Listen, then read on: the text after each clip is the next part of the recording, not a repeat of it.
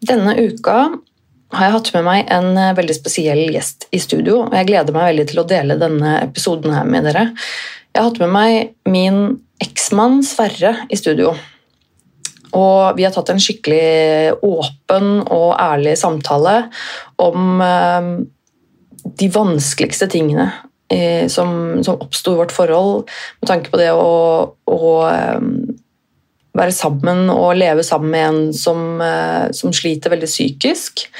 Um, og um, hvordan det påvirket han som pårørende. Og ikke minst så snakket vi jo om ganske tunge temaer som eh, selvmord og innleggelse på sykehus og sånne ting. Så da um, er det på forhånd advart om det. Husk at eh, hvis du sliter og har det vanskelig, så snakk med noen. Eh, snakk med venner, familie, kjæreste, hvem det skal være. Eh, eller så kan du alltid ringe Mental Helses hjelpetelefon på 116 123. Eh, jeg håper du liker denne episoden. Eh, jeg hadde i hvert fall en veldig, veldig fin stund sammen med min eksmann. Eh, så høres vi igjen neste uke. Enjoy!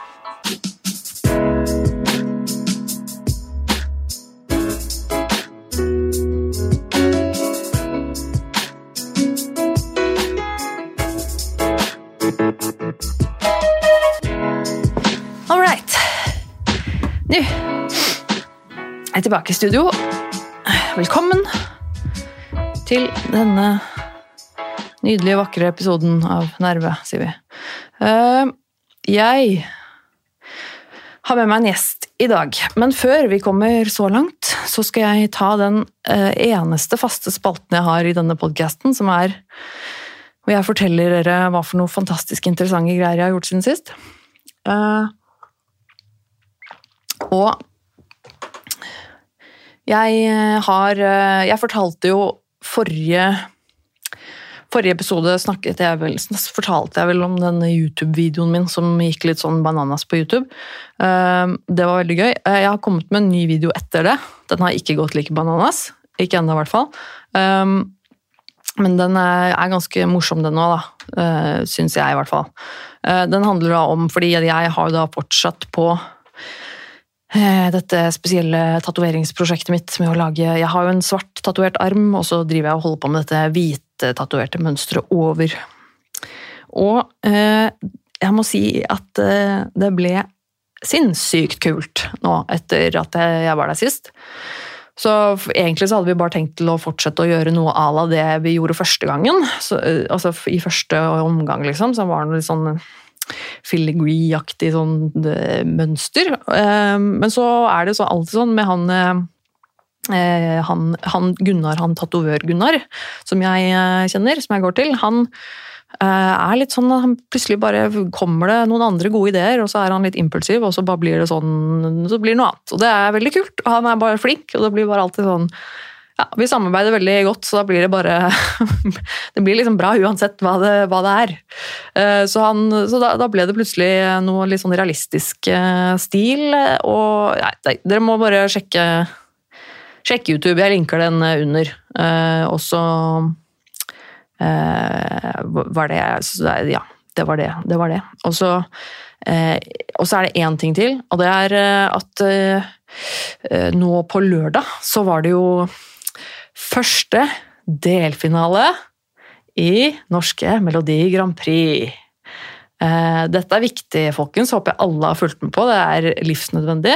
Eh, Det er litt smule overdrevet, men eh, jeg syns jo det er veldig gøy. Det er en sånn ting jeg gleder meg til eh, hvert år, fordi det er et sånt lite lys i den mørke, kjipe, kalde tiden i januar, så er det liksom Det er i hvert fall Eurovision kommer snart, liksom. Og den norske finaleutvelg- artistutvelgelsen eh, skjer jo da nå på, i disse tider. Og det er jo delfinalene som er morsomst, folkens. Det er jo da, det er jo da du får se de bidragene som eh, kanskje ikke burde vært med. Som eh, har de rareste kostymene eller de sureste stemmene. og det er, det er en helt egen sjarm i det. Uh, og det er veldig mange der ute som ikke skjønner helt greia med Eurovision og med, med Melodi Grand Prix. Jeg, det, nei, jeg kan skjønne det. Det er nok ikke for alle. Og det er ikke sånn at jeg syns at musikken er så sykt bra heller, for det er som regel ikke min type musikk eller kjempebra musikk. Men det er ikke det det handler om. Det handler om eh, at det er en eh, fantastisk underholdningsverdi eh, og veldig gøy, og det er liksom samhold. Og jeg sitter og chatter med venner som ser på det samtidig, eller vi sitter sammen og så sier vi 'å, det var kult', eller 'det var bra', eller 'så du den effekten', eller 'den kjolen', eller et eller annet. Og det er kjempegøy. Så det regner jeg med at alle dere har sett på allerede. Hvis ikke, så kan dere gjøre det på NRK.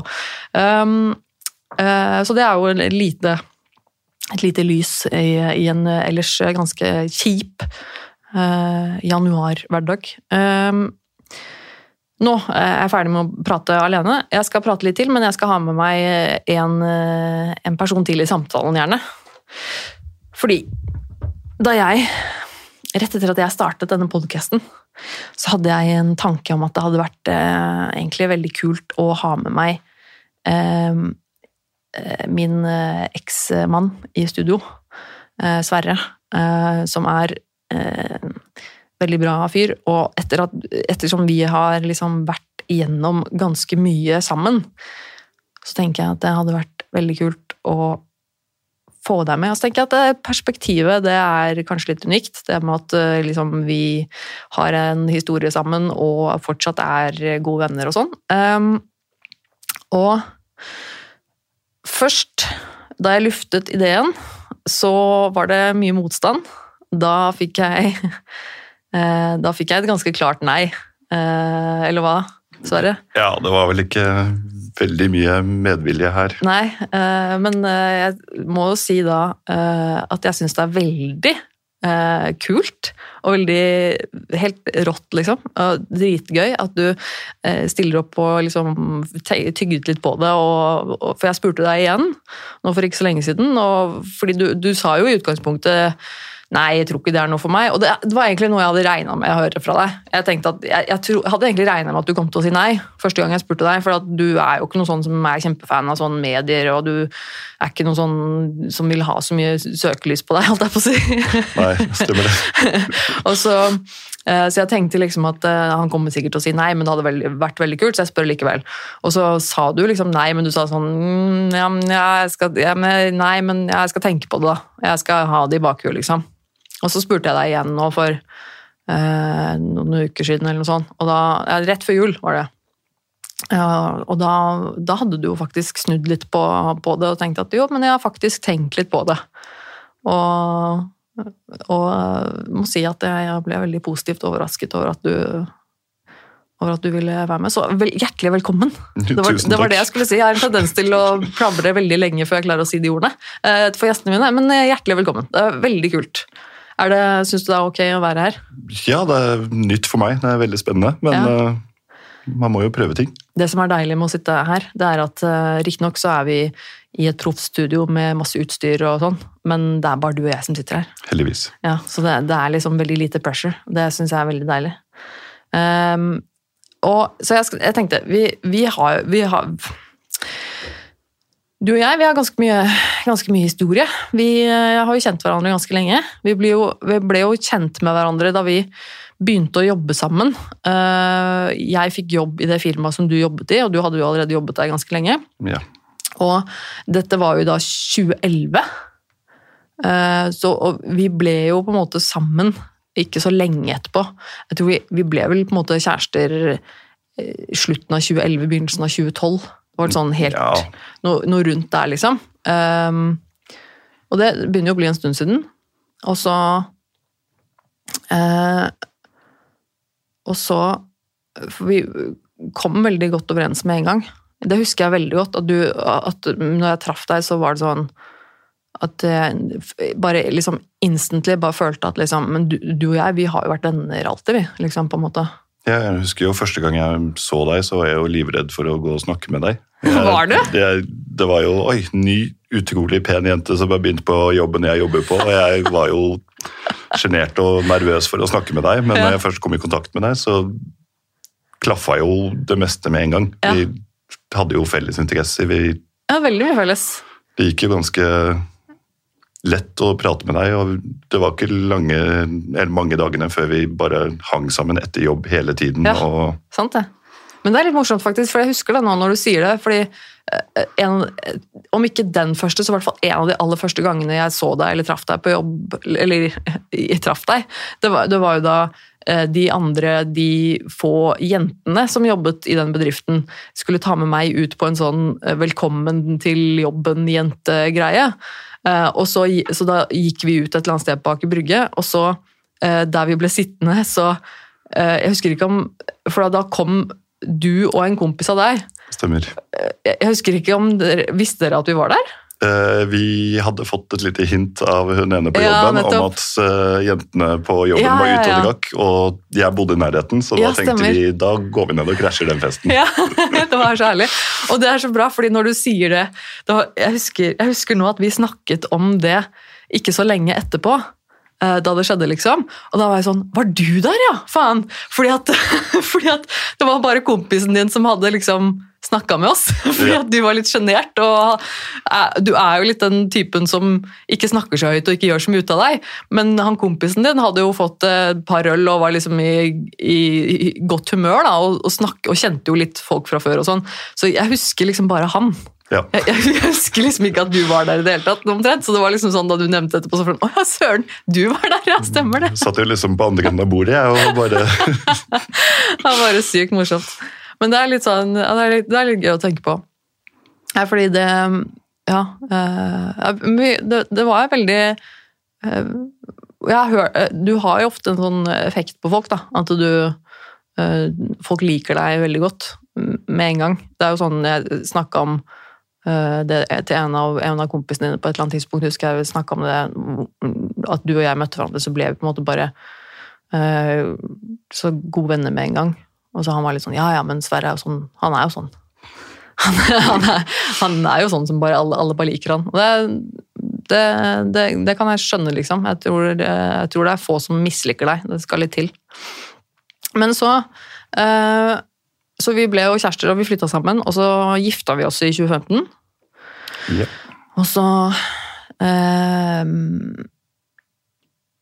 søkte vi om eh, separasjon i januar i fjor. Og i går søkte vi om skilsmisse. ja. Det gjorde vi faktisk. Eh, det er, det er litt, eh, litt morsomt, holdt jeg på å si. At vi kan sitte og si det nå. At, eh, at nå har vi faktisk søkt om skilsmisse. Og det, det er litt fint, da, på en måte. Litt, selvfølgelig litt vemodig, men jeg tenker at det er litt fint også. Nå blir, nå blir det liksom For vi har jo ikke vært kjærester på lenge, vi. Så det er jo egentlig bare tull at vi fortsatt er gift. Ja, og absolutt. Og det er jo Vi har jo liksom vært venner siden, Ja. og det var liksom ikke noe stress å søke om skilsmisse. Nei. Sånn, Det, det visste vi jo hele tiden. ja. vi visste jo det at vi, når vi gjorde det slutt, så skulle vi jo ikke være sammen mer. Og da var det jo ikke noe vits at vi skulle gå og liksom se om vi ombestemte oss det neste året. på en måte. For oss var ikke det nødvendig, i hvert fall. Nei. Ehm, men uh, har, har, det noe du har, lyst, har du lyst til å si noe om deg selv? Bare sånn innledningsvis? Er det noe jeg har? Eh, Jeg snakker om meg selv. Jeg er så, jeg er så, jeg er så dårlig på de greiene der. Altså. Jeg Nei, jeg, jeg vet ikke hva jeg skal si om meg selv. Jeg, eh, Hvis det, var, hvis det var noe. Er det noe interessant med deg? Er det noe du... Nei, det er veldig lite interessant for meg. Det er, uh... Det er ikke sant. Men ja. det er liksom uh, vi ja, feira jo eh, vi jul sammen. Det gjorde vi.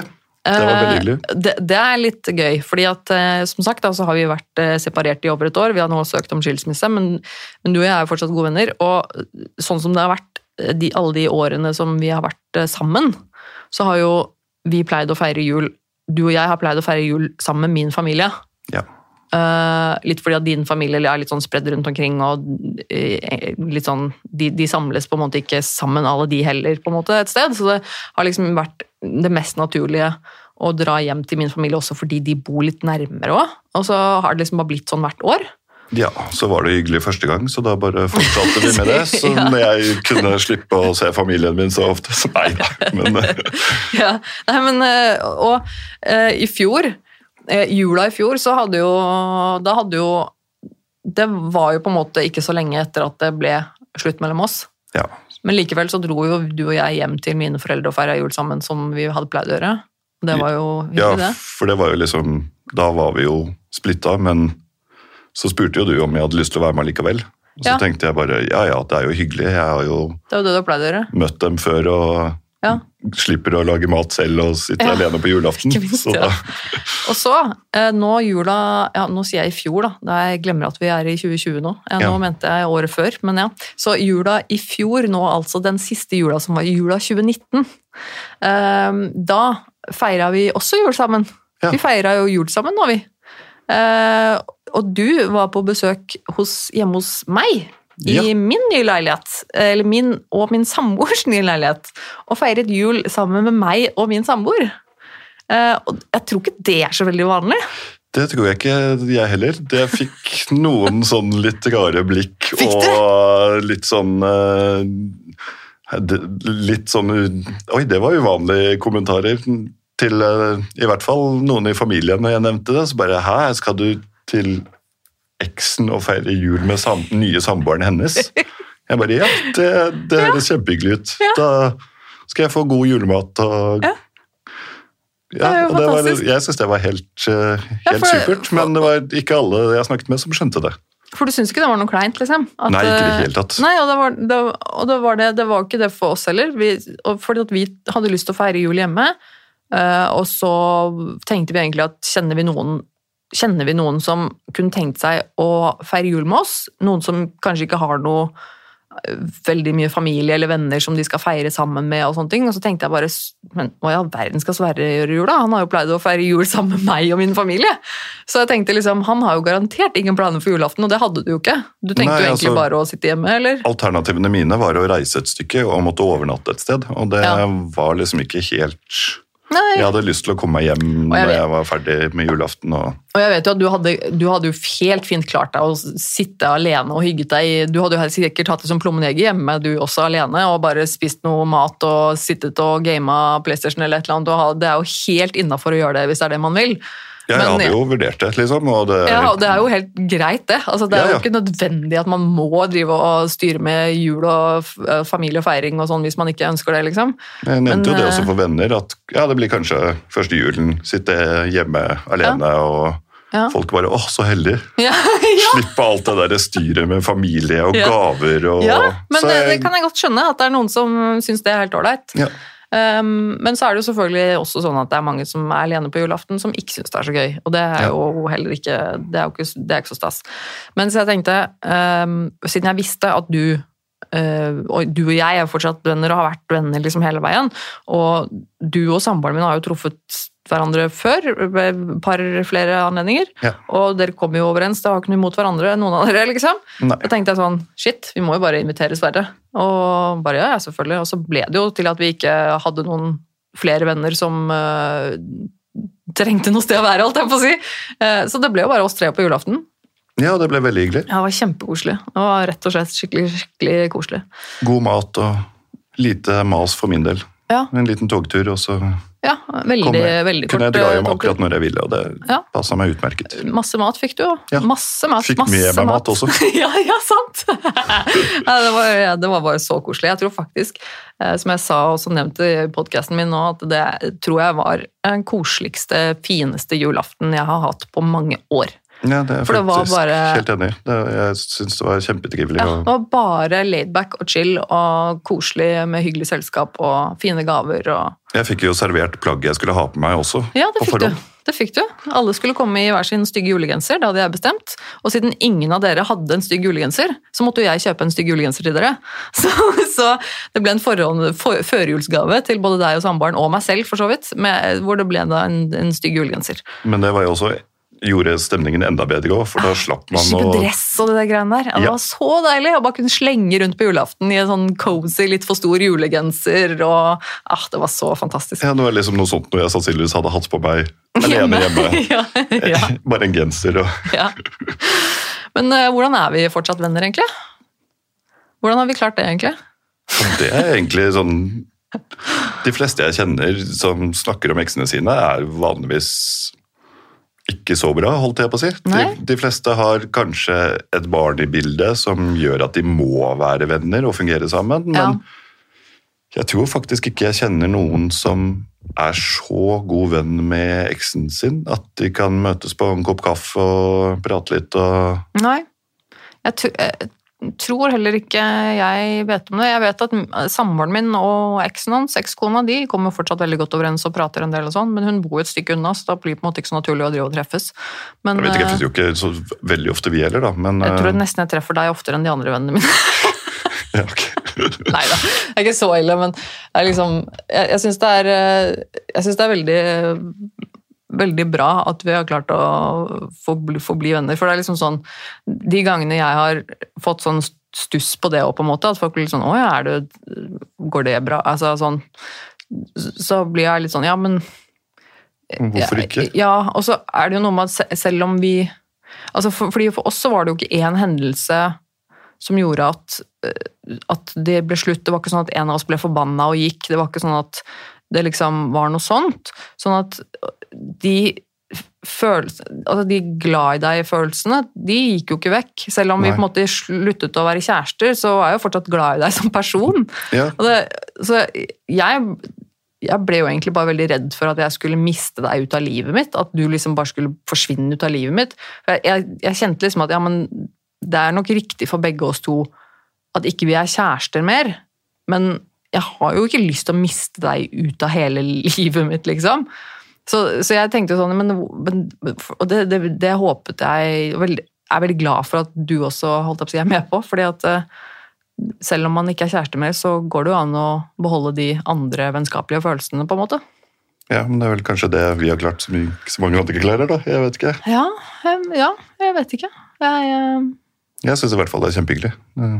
ja, jeg har liksom hatt uh, Jeg har stort sett hatt en sånn holdning i de forholdene jeg har hatt som har tatt slutt, da. Så har jo jeg egentlig alltid ønsket å på en måte fortsette å ha et, vennskapelig forhold, eller liksom fortsette å ha kontakt, eller på en måte Men det har ikke de ønsket det. Da har de bare blitt sånn Nei, det vil ikke, er ikke aktuelt, liksom. Jeg kan jo skjønne det opp, på en måte, for å komme videre, men det er likevel sånn Men er man ikke Kan man ikke gå videre og samtidig være venn med eksen, på en måte? Ja. Nei, jeg vet ikke. Jeg har eh, dessverre veldig dårlig, eller veldig lite erfaring med dette her, så jeg kan ikke uttale meg så altfor mye om eh, hvordan eh, det funker hver gang. Men jeg er veldig fornøyd med hvordan det har fungert med oss. Ja, Fordi jeg ja. jeg syns det er, som du sier også, det er liksom, man er glad i personen, selv om det ikke fungerer som kjærester. Så Mm. Og det, jeg syns jo også det er på en måte nesten et Nesten et mirakel at, eh, at du og jeg har kommet oss gjennom alt det vi har kommet oss gjennom. Altså, ja, vi har jo sånn fra, fra spøk til alvor, på en måte. Det er jo faktisk ganske mye skitt du og jeg er blitt dratt igjennom da, i løpet av de årene vi har vært sammen. Og det, eh, nå sier jeg ikke at det er noens skyld, for det er det ikke. Men jeg har jo slitt veldig med min syke, og vært øh, syk, liksom. Mye av tiden. Eh, og du har jo også hatt noen somatiske liksom, helseproblemer da, som har vært utfordrende for deg og oss til tider. Og det er virkelig ingen spøk, altså, å være pårørende. Og det var litt derfor jeg hadde lyst til å ha deg med også i dag, for å snakke litt om det å være pårørende, da. Fordi at du er jo den som har vært øh, har vært med lengst med meg, og liksom har vært nærmest da, i den perioden hvor jeg liksom var skikkelig, skikkelig syk. Og det er jo ikke til å komme forbi at de som er pårørende også blir veldig påvirket. Eh, og jeg tror det er kanskje lett å Lett å kanskje ofte glemme litt de pårørende. Eller eh, liksom Kanskje ikke glemme, men eh, ofte kanskje undervurdere hvor hvor mm, si, dårlig man kan bli av å være pårørende. Jeg, jeg tror det er ganske mye tøffere enn en det man kanskje tenker at det er. Jeg vet ikke. Ja, jeg tror liksom kanskje at de blir fort glemt, fordi det er Hvis en person er syk, enten det er fysisk eller psykisk, så Mm. er det den personen man fokuserer på. Men det er jo ikke bare bare å være den som er ved siden av heller. Den Nei. som er møter det. personen hver dag, den som prøver å ta hånd om personen osv. Ja. Og i hvert fall, og så i hvert fall tenker jeg at det at du er en sånn person som er veldig selvoppofrende og veldig, eh, veldig omtenksom og bryr deg veldig om de du er glad i, så er, er jo det nesten ikke det noen fordel for deg. på en måte. Nei, For når jeg jeg blir så sjuk, for at du på en måte nesten ofret hele, hele din eksistens, nesten, fordi at du brydde deg om meg for, nesten for mye. Altså, Ja, det blir jo litt av, litt av problemet mitt oppi den situasjonen her òg. Ja, fordi for det jeg, er- det jeg ga, ga liksom det jeg kunne av meg. Ja. Og det som var litt sånn vanskelig for meg oppi dette, var jo at jeg ville jo gjøre det jeg kunne for å gjøre deg glad for at du skulle ha det bra osv. Mm. Men det er jo ikke sånn med depresjon og sånn at du kan bare gjøre folk glad. Nei, dessverre. Og jeg gjorde jo det jeg kunne, men de hjalp liksom ikke. Og da prøver jeg bare enda hardere, og så ender det med at jeg sitter Sliter der og. Ja, Og blir lei deg og deppa plutselig så hadde ikke jeg det så veldig gøy selv heller. Nei, Så, og det er bare Åh. Det er veldig Og det, er så, det blir sånn ond sirkel òg, for det, det, er vondt, det er vondt for deg å se at jeg har det vondt, og så Ja. er det vondt for meg å se at det er vondt for deg. Ja, på en måte, for at jeg, jeg fikk jo også kjempedårlig samvittighet hele tiden for at jeg var så syk, og, jeg så hvordan det påvirka deg, og hvor mye du sleit med det, på en måte, og hvor tungt det var for deg å prøve å liksom, holde meg oppe, holdt jeg på å si, hele tiden. Og, så, så det blir jo en sånn veldig sånn vond, ond sirkel, det der. Ja, det ble jo det. Og det var jo ja, litt av grunnen til at vi kanskje ikke fungerte så godt etter hvert også. Ja, At uh, begge ble litt sånn Vi ble jo dratt ned i dragsuget begge to når du sitter der og er deprimert og jeg prøver å gjøre deg glad og klarer det ikke, og føler at jeg er mislykka pga. at jeg ikke klarer å ja. Uh, ja. Så ble jeg også smådeprimert, og så blir du da enda mer deprimert pga. at jeg blir deprimert. Så fortsatte vi sånn. Mm. Helt til vi klarte å liksom sette oss ned og snakke om det, så går det litt bedre, men så sklir det litt ut igjen, fordi Mm. Ja. Ja, det, ja, unnskyld. Sorry. Nei, ja. Eh, Men det, og det, hvordan har du på en måte hvordan, altså Vi var jo da sammen i typ, Vi var jo kjærester i sånn totalt syv år eller noe sånt. Rundt, rundt det. Uh, så det. Og det er, jo, det er jo en god del tid, på en måte. Uh, hvor- Hvordan har du Hvordan har du på en måte oppfattet mitt altså Hvis du ser liksom på totalt på de syv årene, har det liksom Har jeg liksom har- Oppfattet du at jeg var liksom dårlig hele tiden, på en måte? Nei, absolutt ikke. Gjorde du ikke? Nei, det gjør ikke. Ikke alle sju årene, nei. Åssen var det da? Var, var, det bølge, var det en bølgedal, eller var det sånn sakte, men sikkert oppover, altså nedover, eller hvordan Nei, det var ganske sakte, men sikkert nedover, holdt jeg på å si, eller Ja. oppover. eh, Ja, for det var jo Alt var jo Vi var jo Begge to var jo kjempesosiale, mye med venner og alt Mm. mulig. Og så kom vi til et punkt hvor Kanskje jeg var veldig glad i å gå ut med venner, og du kanskje ikke hadde alltid lyst til det. Og sånn, og så begynte jeg å få skyldfølelse for at jeg gikk ut mye mer enn deg, og så begynte Ja. ting å liksom balle litt på seg på den måten. og Ja, så begynte jeg å droppe å gå ut fordi ja fordi du fikk dårlig samvittighet og ville ta hensyn til meg, og så syntes jeg det var kjipt, fordi at jeg ville jo gjerne at du skulle gå ut og ha det hyggelig, men jeg klarte ikke å takle de følelsene jeg sleit med, og så, og så er jo jeg sånn typisk sånn, jeg klarer jo ikke være ærlig.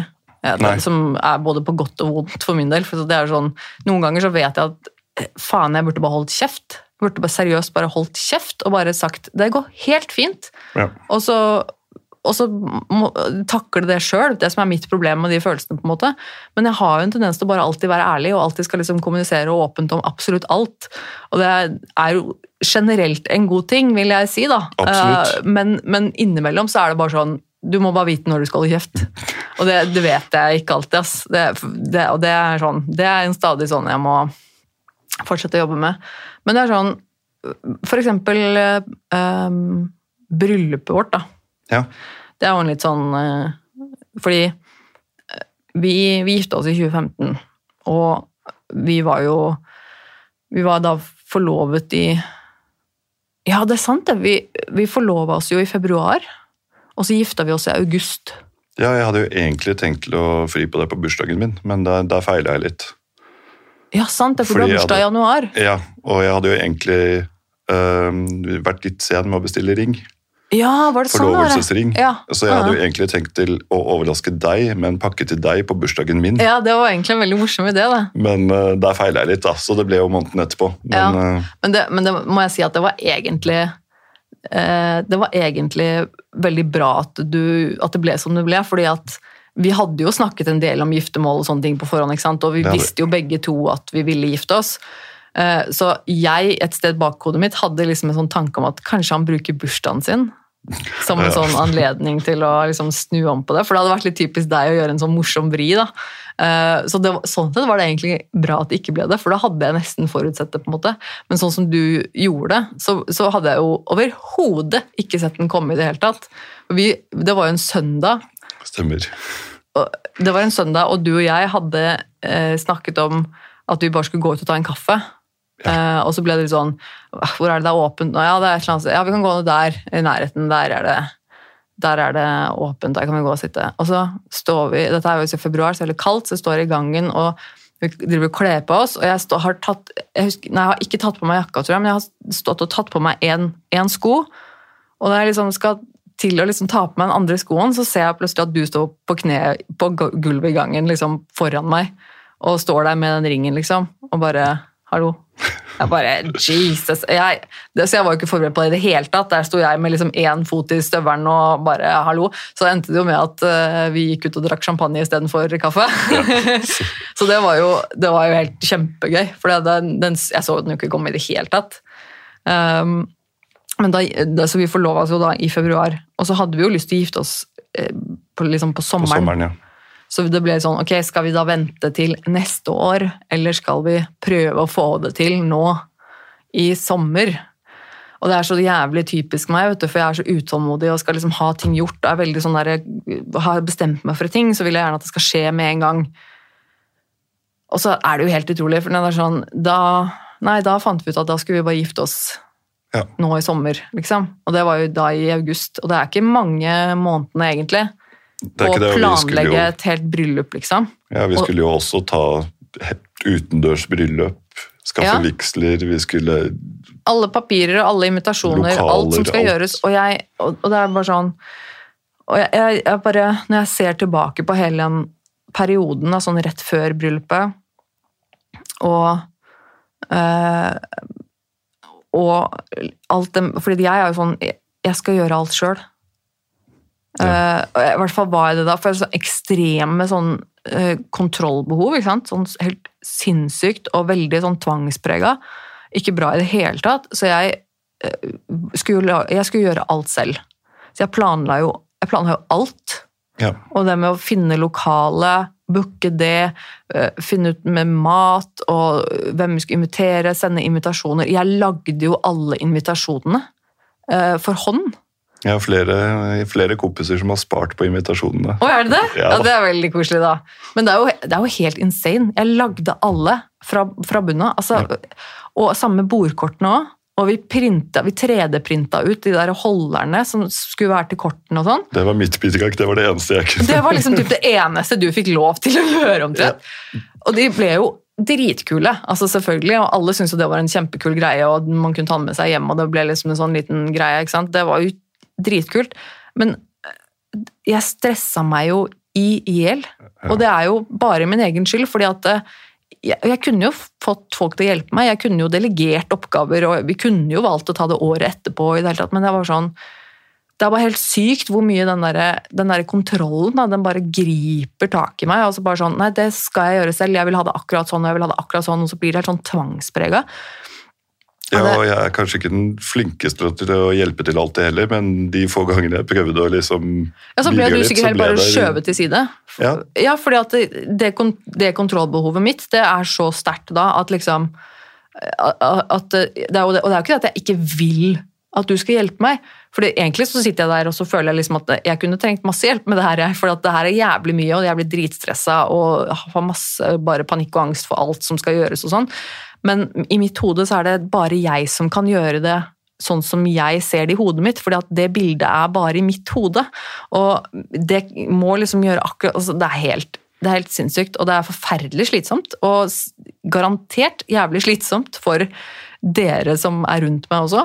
Og Jeg ble mer sånn sliten på dine vegne, for jeg så at du, ja, du stressa med ting. Ja. Men jeg fikk jo ikke lov til å hjelpe til heller, så Nei. Det var litt sånn Jeg måtte bare la deg stresse med det, fordi Ja, du hadde jo ikke så mye valg, egentlig. Nei, jeg prøvde bare å hjelpe til når jeg fikk lov til å hjelpe til, Ja. men eh, det var jo liksom Ja. Og hvordan, hvordan, hvordan Hvis du ser tilbake nå på bryllupsdagen, liksom. ja. Hva, hva tenker du da? Hvordan oppfattet du liksom den dagen? Det var en kjempefin dag for min del. Ja, Bortsett fra når jeg skulle stå der ved alteret og snakke til deg foran folk. Det er det verste jeg veit. Ja, det det syns jeg var grusomt. Men eh, det, det gikk greit, og jeg er veldig fornøyd med det bryllupet. Fordi det er liksom Ja, jeg har ikke vært i mange bryllup, men den dagen med det været vi fikk, ja lokalet vi hadde, Mm, ute i hagen, gjestene ja. alt, maten, alt var liksom klaffa veldig godt. da. Mm. Jeg tror alle jeg har snakket med, har vært enten det beste eller et av de beste bryllupene de har vært i. ja, det er veldig hyggelig. Og jeg blir veldig, veldig glad av å høre at du sier det. At du har den oppfattelsen av den dagen. At ditt bryllup ble en fin dag, da. Ja, Det var helt fantastisk. Det, jeg kunne ikke bedt om noe bedre, så du var veldig flink til å planlegge oppi alt dette her. Ja, Det er bra. Men det som gjør meg litt trist da, på mine vegne, er at for meg så var det ikke så hyggelig. Nei. Og det har ingenting med deg å gjøre. Det skal du bare vite. Fordi at eh, det har ingenting med at jeg ikke ville gifte meg med deg, eller noe sånt, for det ville jeg jo. Ja, Så det var ikke noe sånn at jeg angra eller hadde kalde føtter overfor oss, eller noe sånt, for det, det hadde ingenting med det å gjøre. Men jeg klarte jo faen ikke å slappe av. nei. Jeg klarte jo ikke å nyte det. Jeg klarte jo ikke å ha det hyggelig. Jeg klarte... Jeg, jeg var helt oppslukt i at alt skal gå perfekt, at alt skal gjøres på den og den tiden, alt skal liksom skje sånn og sånn, eh, den rekkefølgen, den tiden, du må huske å eh, si det til dem, de må gjøre sånn. eh, Og, så, fordi at jeg var så ekstremt kontrollbehov og perfeksjonistisk oppi mitt eget hode, og jeg jeg- husker at ehm, jeg husker at jeg på et, på et tidspunkt så satt jeg ved, ved middagsbordet ved middagsbordet der, da. Og så sitter jeg, sitter jeg jo ved siden av deg, og så har jeg min, eh, min forlover Karoline ved siden av meg på andre siden. og så Åh, jeg må bare drikke litt vann, jeg. Så ble jeg skikkelig dårlig. Altså, jeg ble fysisk sånn kvalm. Altså, jeg, for at jeg, jeg, jeg kjente at det presset jeg la på meg selv inni hodet mitt, um, og hele situasjonen, da, det, det blir sånn kulminerte til å bli en sånn uh, fysisk uvelfølelse. Så jeg husker at Og Karo um, hun, hun merka at Og jeg var jo på do et par ganger. Liksom, hun er forloveren, ikke sant? så hun skal liksom være med og hjelpe med kjolen. og liksom dit og datt? For jeg hadde jo en kjempesvær kjole og sånn. Uh, og- så hun merka jo da at liksom hun, Det var noe, ikke sant. Og jeg sa til henne at jeg var litt Jeg husker ikke at det var jeg sa, men jeg sa et eller annet. Men jeg er litt dårlig eller et eller annet. Men jeg husker at jeg i hvert fall satt ved bordet der, og så uh, at hun måtte liksom kneppe opp kjolen bak på ryggen min, for at jeg fikk ikke liksom puste ordentlig. Og var helt sånn, var helt sånn svett, og fikk ikke liksom puste, og følte meg helt sånn eh, Så jeg husker for jeg, Min bryllupsgave til deg var jo at jeg overraska deg med å synge en sang. Hadde gått bak ryggen min. Har gått bak ryggen din eneste gangen i hele mitt liv, tror jeg. Og jeg har eh, faktisk løyet til trynet ditt når jeg sa at jeg skulle til Karo når jeg egentlig skulle til eh, kompisen din Christian for å øve. Eh, og han skulle spille gitar, og jeg skulle synge. Eh, så du visste ingenting om det, som var veldig gøy. Men da husker jeg veldig godt at, eh, at da måtte liksom Karo liksom måtte fort liksom kneppe igjen noen av de bak før jeg skulle liksom reise meg opp og, og, og, og synge. For det, var bare helt sånn Og det er så Det er så Det er så kjipt eh, for meg at eh, og, så, så er det sånn typisk sånn etterpå sånn, så ser jeg på eh, så ser jeg på liksom bildene da, fra bryllupet vårt, og så er jeg ikke fornøyd med noen av bryllupsbildene. Og så er jeg ikke fornøyd med kjolen. og Jeg skjønner ikke hva faen var det jeg tenkte når jeg tok den kjolen, og jeg ser helt grusomt ut, og faen så tjukk og feit, og alt var bare feil, og hvorfor altså, og, det er så trist at jeg gjør det sånn i hodet mitt, da, for for meg så øh, Jeg sitter igjen etterpå med, sånt, med en sånn følelse av at det, det var ikke noe jeg, jeg koste meg ikke på bryllupsdagen vår. Nei, jeg ser den, men heldigvis så tror jeg det var bare deg som syns det. Men jeg, Ja, det jeg. skjønner, jeg skjønner hva du sier, men jeg hadde jo ikke sett, sett deg i kjolen eller noen ting før den dagen, og jeg var jo litt overrasket over at det var en hvit kjole til og med. ja. Det er jo deg, liksom. Det kunne vært hva som helst. Ja. Men, øh, men øh, jeg tror alle, alle jeg har snakket med, var jo kjempefornøyde og kost, storkoste seg og var fornøyd med alt sammen. Så Mm. det er Ja, litt det er synd, synd at ikke du klarer å se det på den måten. Men, ja, og det er litt sånn Det er et sånt eh, Og det, jeg så liksom ikke det sjøl, på en måte, på den måten, sånn som jeg gjør nå, da. Og det er det samme som den eh, Jeg hadde jo hatt med Karo som eh, gjest i en, av, eh, en episode her fra en tid tilbake, hvor hun forteller om eh, den bryllupsfesten vi hadde litt etterpå, og hennes oppfattelse av meg. Hvor jeg eh, liksom fikk litt panikk og fikk så mye angst, og at jeg var nesten ufyselig mot, mot folk. Uh, altså mot, mot vennene hennes som, som skulle hjelpe henne med å bære noe greier, så var jeg liksom Jeg husker jo ikke det her engang. Jeg husker det ikke engang. Altså, det, det er helt sykt. Men hvor mye den derre De derre tvangsgreiene mine i huet mitt bare overtar alt, da.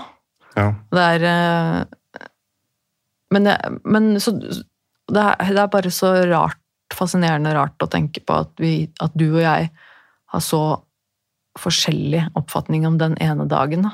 ja, akkurat samme situasjon. Bare, Helt, vi satt til og med fysisk rett ved siden av hverandre. på en måte. Vi var sammen hele tiden. Og så så du noe helt annet enn det jeg så på en måte, gjennom hele dagen. Altså Det er bare sånn Jo, men jeg merka jo, jo at du var litt ukomfortabel innimellom, men ikke på samme måte. Og når, Mm. jeg, når du liksom reiste deg og skulle synge for meg i tillegg, mm, så ble jeg sånn derre åh, nå var jeg ukomfortabel, for det der hadde ikke jeg klart å gjøre. Og da bare tenkte jeg Kanskje det er derfor den er litt sånn der smånervøs og sånn. Ja. Men det var jo på en måte bare Det var på en måte bare starten, holdt jeg på å si. Etter det så ble det jo egentlig bare verre. Sånn Ja. med meg. Og øhm, jeg øh, ble jo ganske dårlig i 2016, var på en måte kanskje da det toppa seg litt. Um, og i slutten av Og i 2017 så begynte jeg å gå i behandling hos psykolog. Og på slutten av 2017 så ble jeg jo innlagt Uh, flere ganger. Jeg ble jo innlagt både på akuttpsykiatrisk og jeg ble innlagt på åpen psykiatrisk avdeling. Alt dette var jo da mens, mens jeg var sammen med deg. Ja. Og Hvordan var det for deg? Ikke noe gøy i det hele tatt. Nei? Det som, var, det som var kanskje det vanskeligste i begynnelsen av dette her også, var jo at jeg hadde Var for så vidt litt sånn utbrent sjæl, Mm. og hadde skjøvet bort en del av mine venner også. Mm. Så når jeg først var oppe i den situasjonen her, så hadde jeg egentlig ikke noen gode venner å snakke med. Nei. Jeg, jo, jeg har jo noen venner som jeg har hatt mye av livet mitt, men for det første var det ikke lett å snakke om i det hele tatt. Sitte der og si at jeg er gift, og det, det er vanskelig, liksom. Det er, Mhm. det er jo Mye av kompisgjengen min er, er liksom stort sett at man har det bra, og man snakker ikke så mye om liksom, de tingene som er negativt. Ja. Og det er jo et sårt, sårt, sår ting å snakke om, liksom. Det er jo det. Jo, men bare sånn Jeg har jo nå fått meg noen venner eh, som man kan si liksom I dag har jeg en dårlig dag, Mm. men jeg har også en del venner hvor man ikke snakker om sånt. Mm. Da later man som ingenting og bare fortsetter. å Mm. Og det, var, eh, det var liksom en av de kjipe tingene da, da det begynte å gå ja, med, med innleggelse og sånne ting. Da var, det, da var det vanskelig for meg, for da Jeg hadde som sagt ingen å snakke med, og jeg hadde det jo ikke så bra selv heller da. Og da var det veldig vanskelig å bare møte opp på jobb og late som ingenting har skjedd, og Ja. jobbe og gå hjem igjen, og så Herregud. eventuelt møte opp der hvor du var innlagt, eller Mm. bare gå hjem og innimellom til en tom stue fordi du var innlagt, Mm. det var, eh, det var tungt. Det var det. Absolutt. Husker du den første gangen jeg ble innlagt? Ja. Hva, for det, jeg, jeg, jeg husker ikke Altså, jeg, jeg husker det jo for meg, men jeg husker ikke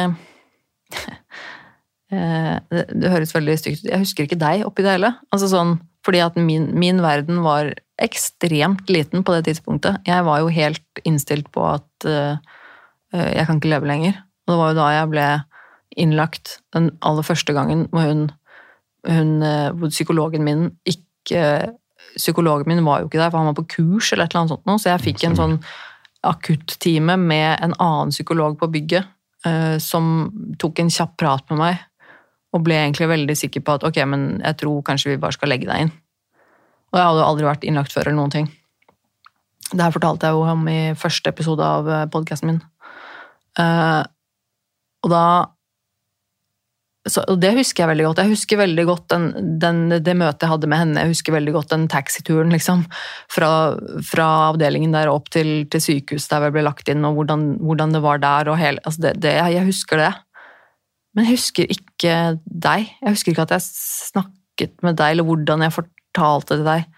Husker, husker du det? Jeg husker eh, Nå er jeg litt grann usikker på om det var første gangen Ja, for jeg har vært innlagt flere ganger, så det er kanskje litt vanskelig å huske akkurat hvilken. eh, men jeg husker ikke om jeg Jeg tror jeg kom og besøkte deg samme kvelden, eller om jeg ikke gjorde det. Det er jeg litt usikker på. Husker jeg faktisk ikke. Jeg lurer på om jeg ikke gjorde det første kvelden, og bare fikk en sam telefonsamtale om at du var lagt inn. Ja, men det, det kan nok stemme, fordi at eh, så, som jeg mener å huske, så er det ikke Så er det på en måte Nei, Jeg skulle til å si at det er ikke noe besøk første dagen, men det er jeg faktisk ikke sikker på om jeg husker Det kan hende jeg husker feil, jeg- fordi at eh, jeg vet at hvis du først blir innlagt på akuttpsykiatrisk, så er det på en måte i utgangspunktet ikke mulig å skrive seg ut igjen, eller bli skrevet ut samme dag. Du må på en måte ha en, en natt der, sånn i utgangspunktet. Jeg Eh, husker i hvert fall en av gangene når jeg møtte opp hvor du hadde lyst på litt ting ja, hjemmefra, Ja, og jeg skulle møte deg. Ja. Det, var første, det var første gangen, tror jeg. Ja, og jeg skjønner at du ikke hadde det så bra der, for det var eh, triste lokaler, og det var merkelig for min del å komme på besøk. Ja, Det var veldig rart, fordi jeg hadde jo snakket med deg, ja, og du hadde jo fortalt meg at det var et ganske kjipt rom du var på. ja. Og jeg prøvde jo å raske med meg det jeg kunne av underholdning, og sånn, sånn at du skulle klare deg der. ja. Men da jeg så rommet, så skjønte jeg jo at det var ikke noe koselig i det hele tatt. Nei. Og det var også veldig, veldig rart å måtte ringe på og bli låst inn og måtte møtes i døra og vist til deg og ja. Og vinduer alle dørene og Og så vidt vi fikk lov til å sitte og prate med åpen dør. mm. Det var så veldig rart, fordi det skjedde jo så fort for min del òg. Mm. Jeg fikk jo bare plutselig en telefon om at du var lagt inn, eller du hadde lagt inn det selv, holdt jeg på å si. Mm. Og det var jo Ja, det kom jo litt sånn overraskende på meg òg. Jeg Mm. visste at du ikke hadde det bra, men jeg visste ikke at det sto så dårlig til. Mm. Så ja, jeg ble litt sånn sjokka, og da, da husker jeg at da, da benytta jeg meg av en kompis. Da, da, da ringte jeg og ja, så begynte å fortelle litt om hvordan jeg hadde det, og at det ikke var så bra. Men jeg Mm. fortalte ikke hva som hadde skjedd. Mm. Du fortalte ikke at jeg var lagt inn? Ikke da. Det gjorde jeg ikke. Hvorfor ikke? Fordi vi hadde ikke snakket om det, og jeg ville ikke at liksom Ja, ok. Altså sånn, fordi du visste ikke om jeg ville at du skulle si det? På en måte, eller? Ja, det er liksom ikke kanskje noe som Altså, igjen, dette er jo så tabubelagt, eller har i hvert fall vært. Det stemmer, for nå husker jeg jo Unnskyld at jeg avbryter deg nå, men ja, fordi det husker jeg nå at uh, vi var jo Etter første gangen jeg ble lagt inn, så var jo jeg der Jeg var der i ganske mange dager. Ja, Jeg var det der jo i fem dager eller noe sånt, jeg, på Ja. Og etter, etter det så var vi på besøk hos en av kompisene dine, hvor det var flere, noen få av, av dine eller våre liksom felles venner da, som var der. Da husker jeg at jeg fortalte det. At det var sånn, folkens, forresten, Ja. skal bare fortelle at det her skjedde for tiden. Og da, og da følte jeg Skjedde nå nettopp. Og da, da, det, det følte jeg at jeg hadde litt behov for å fortelle dem opp for din skyld. For da tenkte jeg at nå vet alle det. Nå vet vennene til Sverre òg at han ikke har det så kult. Og nå er det åpent. Nå Ja. kan du snakke med dem om det. Nå kan de også skjønne at Håper jeg liksom at de skjønner at du kanskje trenger litt støtte. Liksom. Ja, og det likte jeg veldig godt at du gjorde. Ja. Fordi igjen, det var ikke så veldig lett for meg å gå og Nei. si dette her, og jeg visste jo heller ikke hva jeg skulle si. Nei. Så det var veldig, veldig greit for min del at du tok det opp selv. Mm. For da var liksom den katta ut av sekken, og så Mm. Ja. Det, det var litt lettende for meg òg, selvfølgelig. Ja. Og selvfølgelig tenkte jeg også litt på sånn Ok, kommer de til å se rart på meg nå og bare tenke shit, hun er gal, liksom.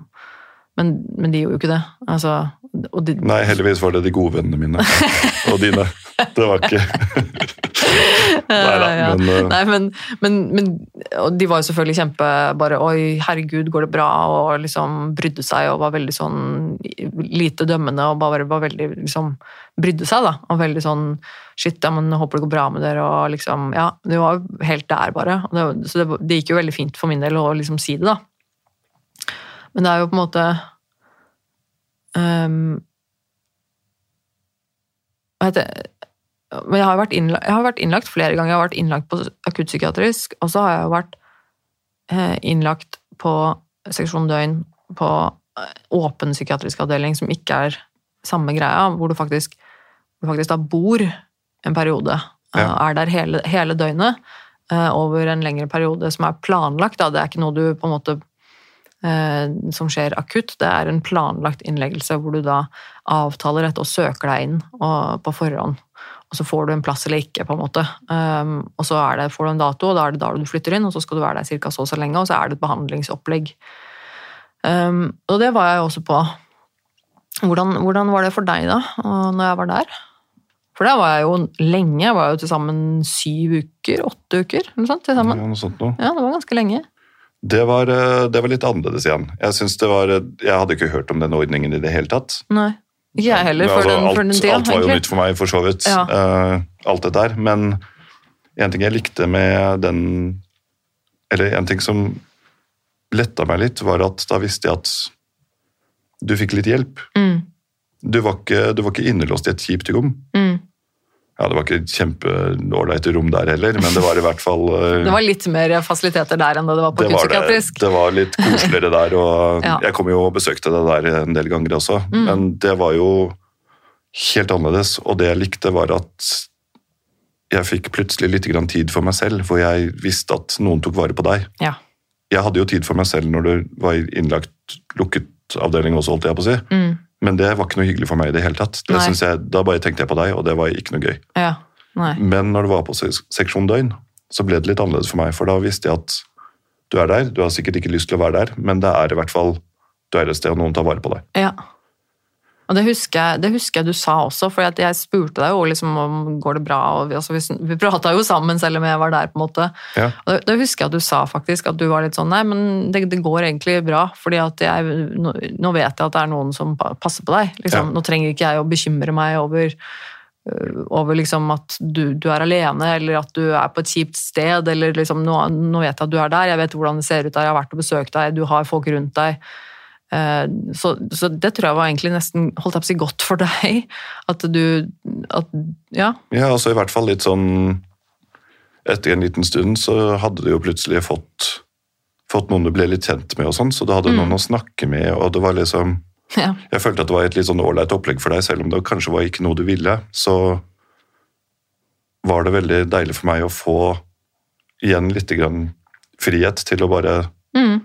Prøve å fokusere litt på meg igjen. For Ja. jeg hadde jo ikke vært så flink til det. Nei, det hadde du virkelig ikke vært flink Så til. da, da var det Prøve å liksom Endelig så kunne jeg bare sitte sitte hjemme og se på egne ting på TV-en og sitte og bare ja, Hva, være hva meg vil jeg gjøre i dag? Ja. Hva, mm, hva, nå er jeg alene. Hva skal, Ja. hva skal jeg? Hvem? Ok. Eh, nå Så kan jeg tenke på meg selv. Hva har jeg egentlig lyst til å gjøre i dag? Ja. Jo, men det var jo veldig rart å liksom få tilbake friheten, for jeg hadde jo ikke tatt tilbake noe frihet jeg i det hele tatt i forholdet sånn.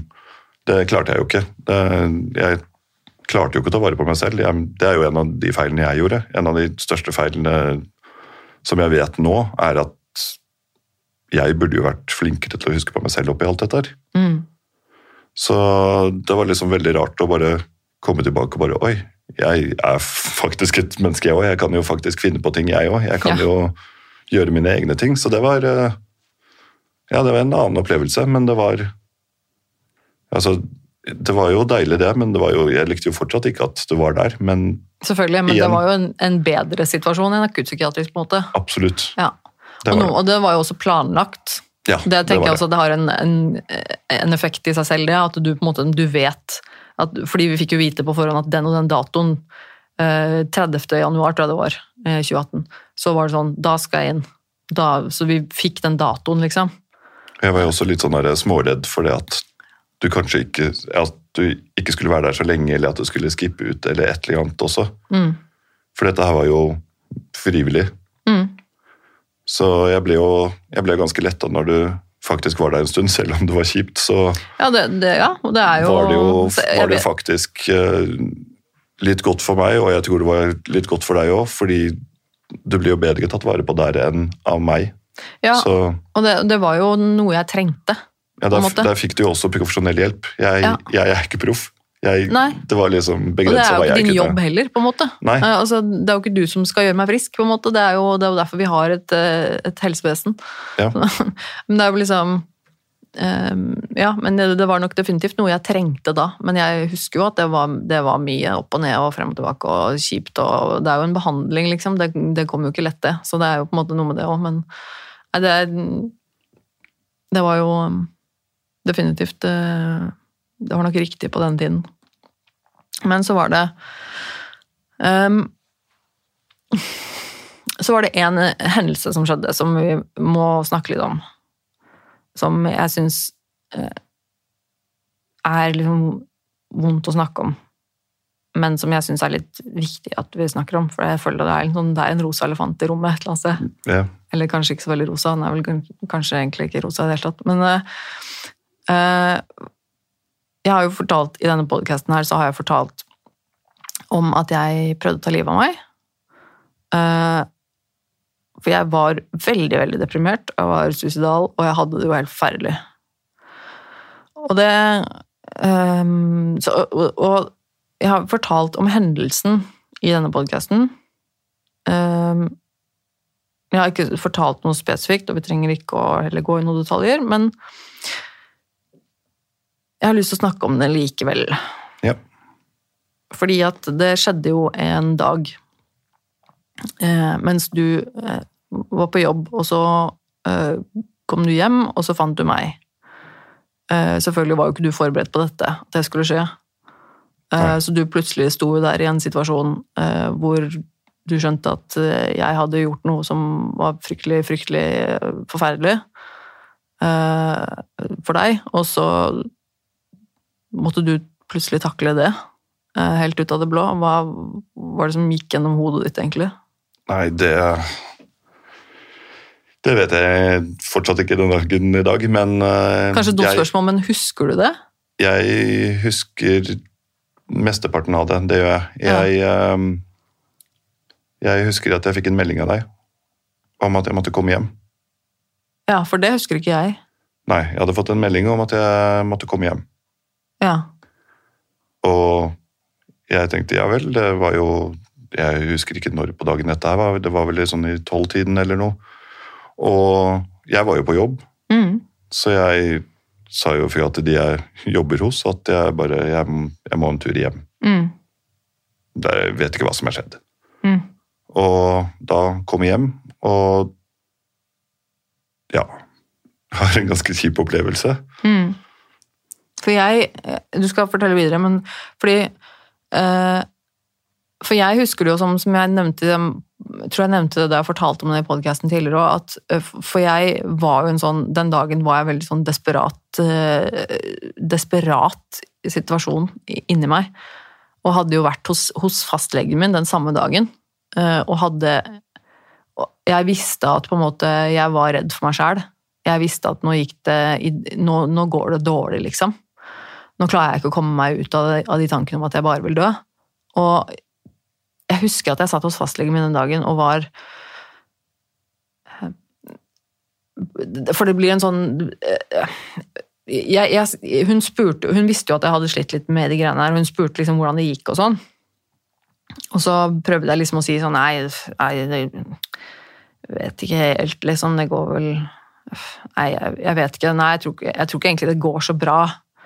Eh, Og så sa jeg noe sånne Jeg prøvde vel liksom å Jeg sliter jo litt med å ljuge for folk. Jeg synes det er Jeg har en tendens til å være litt ærlig. Så jeg hadde ikke lyst til å si for mye, men jeg prøvde liksom å si et eller annet om at ja, det går vel ikke egentlig så veldig bra, eller et eller annet. Men jeg, jeg følte bare at hun, hun ikke så meg i det hele tatt. Hun ga liksom ikke noe av den responsen som jeg trengte å få. Uh, og, uh, men hun fikk jo uh, akuttime på DPS-en til å ringe meg, for hun, hun skjønte jo i hvert fall at, jeg ikke at jeg ikke sto så bra til. Eh, så hun, jo, hun skulle få dem til å ringe meg, og det gjorde de ikke. De ringte ikke når de skulle. De ringte mye senere, men det var først da jeg hadde kommet meg hjem og satt i et eh, liksom helt Det var nesten holdt jeg på å si katatonisk nede i et hjørne på gulvet. eh, Og var helt fra meg liksom i en helt en annen verden. Og da ringte de, og, så, eh, og da, da klarte jeg omtrent ikke å snakke, for da var jeg helt borte.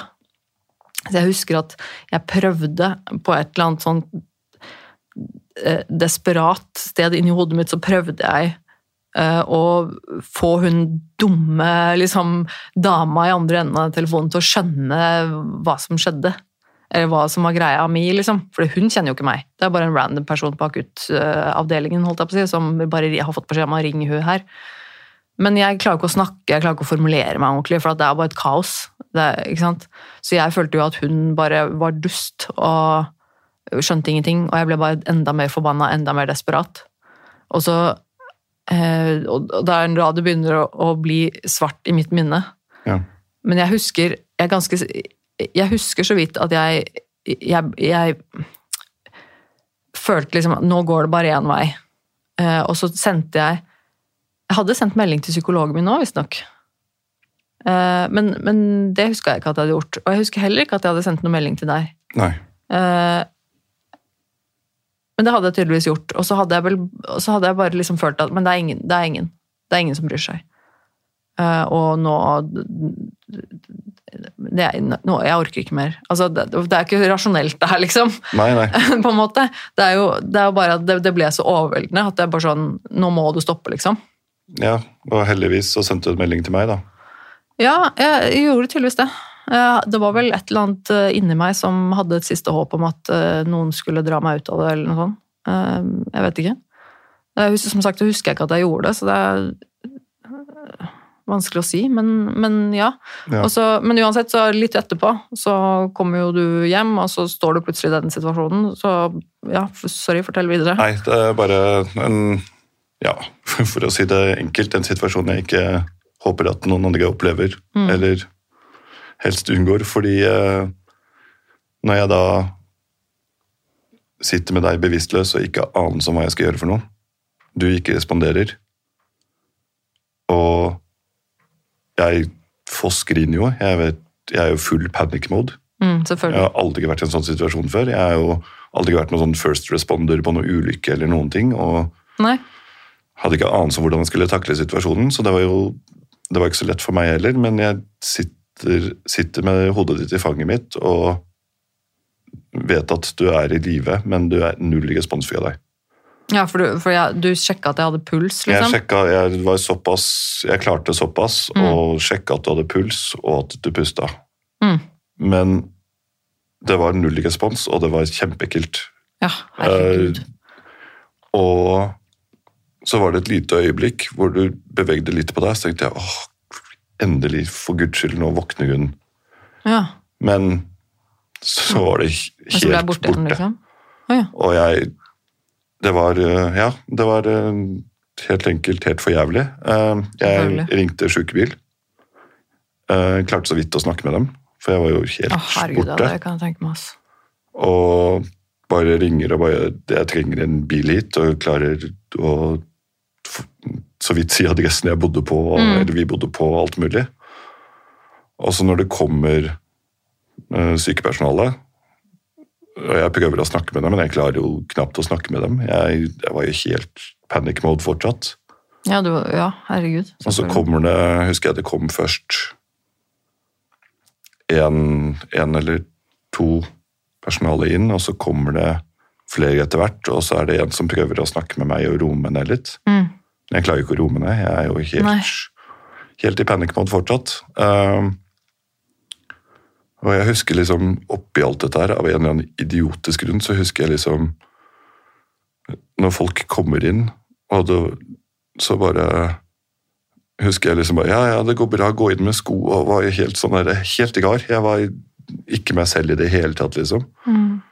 Og når de liksom begynner å sjekke deg og sånn, og jeg sitter der og jeg bare skjønner ikke helt hva som har skjedd, og vet ikke helt hva som kommer til å skje. Mm. Og husker du blir eh, Du blir putta på en båre og tatt med ut i bilen. Og jeg blir med i bilen. Var du med i bilen?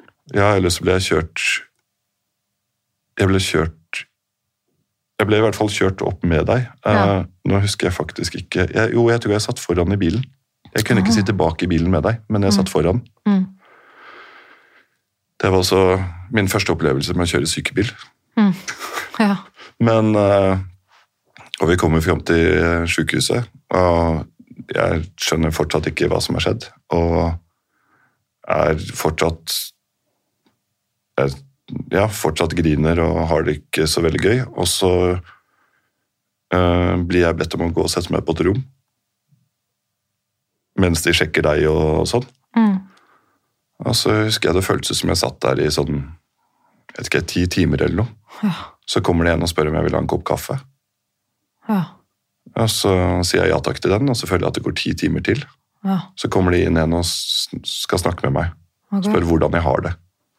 Ja. Og jeg blir sånn helt sånn Ser du ikke det på meg? Jeg har, det- jeg har det ikke så bra, liksom. Nei. Og så prøver jeg å liksom roe meg ned, men jeg, det funka ikke for Nei, min det del. går jo ikke. Herregud. Ja. Det var sånn Det var sånn Å, stakkars deg oppi alt dette her, og jeg bare Nei, jeg kan heller sitte her alene enn at eh, noen skal prøve å snakke med meg nå, liksom. Det Men var de sånn visste hva som hadde skjedd, de som snakka med deg da, på en måte? Nei, det er jeg ikke sikker på det heller, vet du. Fordi Nei. det er så mange på et sykehus, og det er sånn Mm. De har sikkert bare bedt en eller annen om å Ja. ta seg av meg. Så du ble ikke på en måte Jeg følte jo litt at jeg hadde glemt meg når jeg satt på det rommet. Ja. Det var kanskje, altså Tidsbegrepet mitt var jo sikkert ikke helt riktig, men uh, jeg følte liksom at jeg hadde sittet der vanvittig lenge uten å For jeg lurte jo på hvordan det gikk. Og jeg, Selvfølgelig. Var det ingen som kom og sa noe til deg om hva de skulle gjøre, eller hva som nei, skulle eller skje? det eller? var jo det etter hvert. Men Ja. jeg følte at det tok vanvittig lang tid før jeg fikk noe beskjed i det hele tatt. ja. Så Hva skjedde da etter hvert, på en måte? Nei, etter hvert så fikk jeg jo beskjed om at du nå sjekkes, og så skal det sjekkes litt til. Og så går det en stund til, og så får jeg beskjed om at du skulle være der over natta. Mm.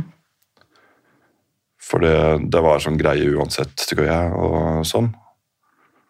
Og så husker jeg jeg skulle møte deg når du hadde våkna. Det var også helt grusomt.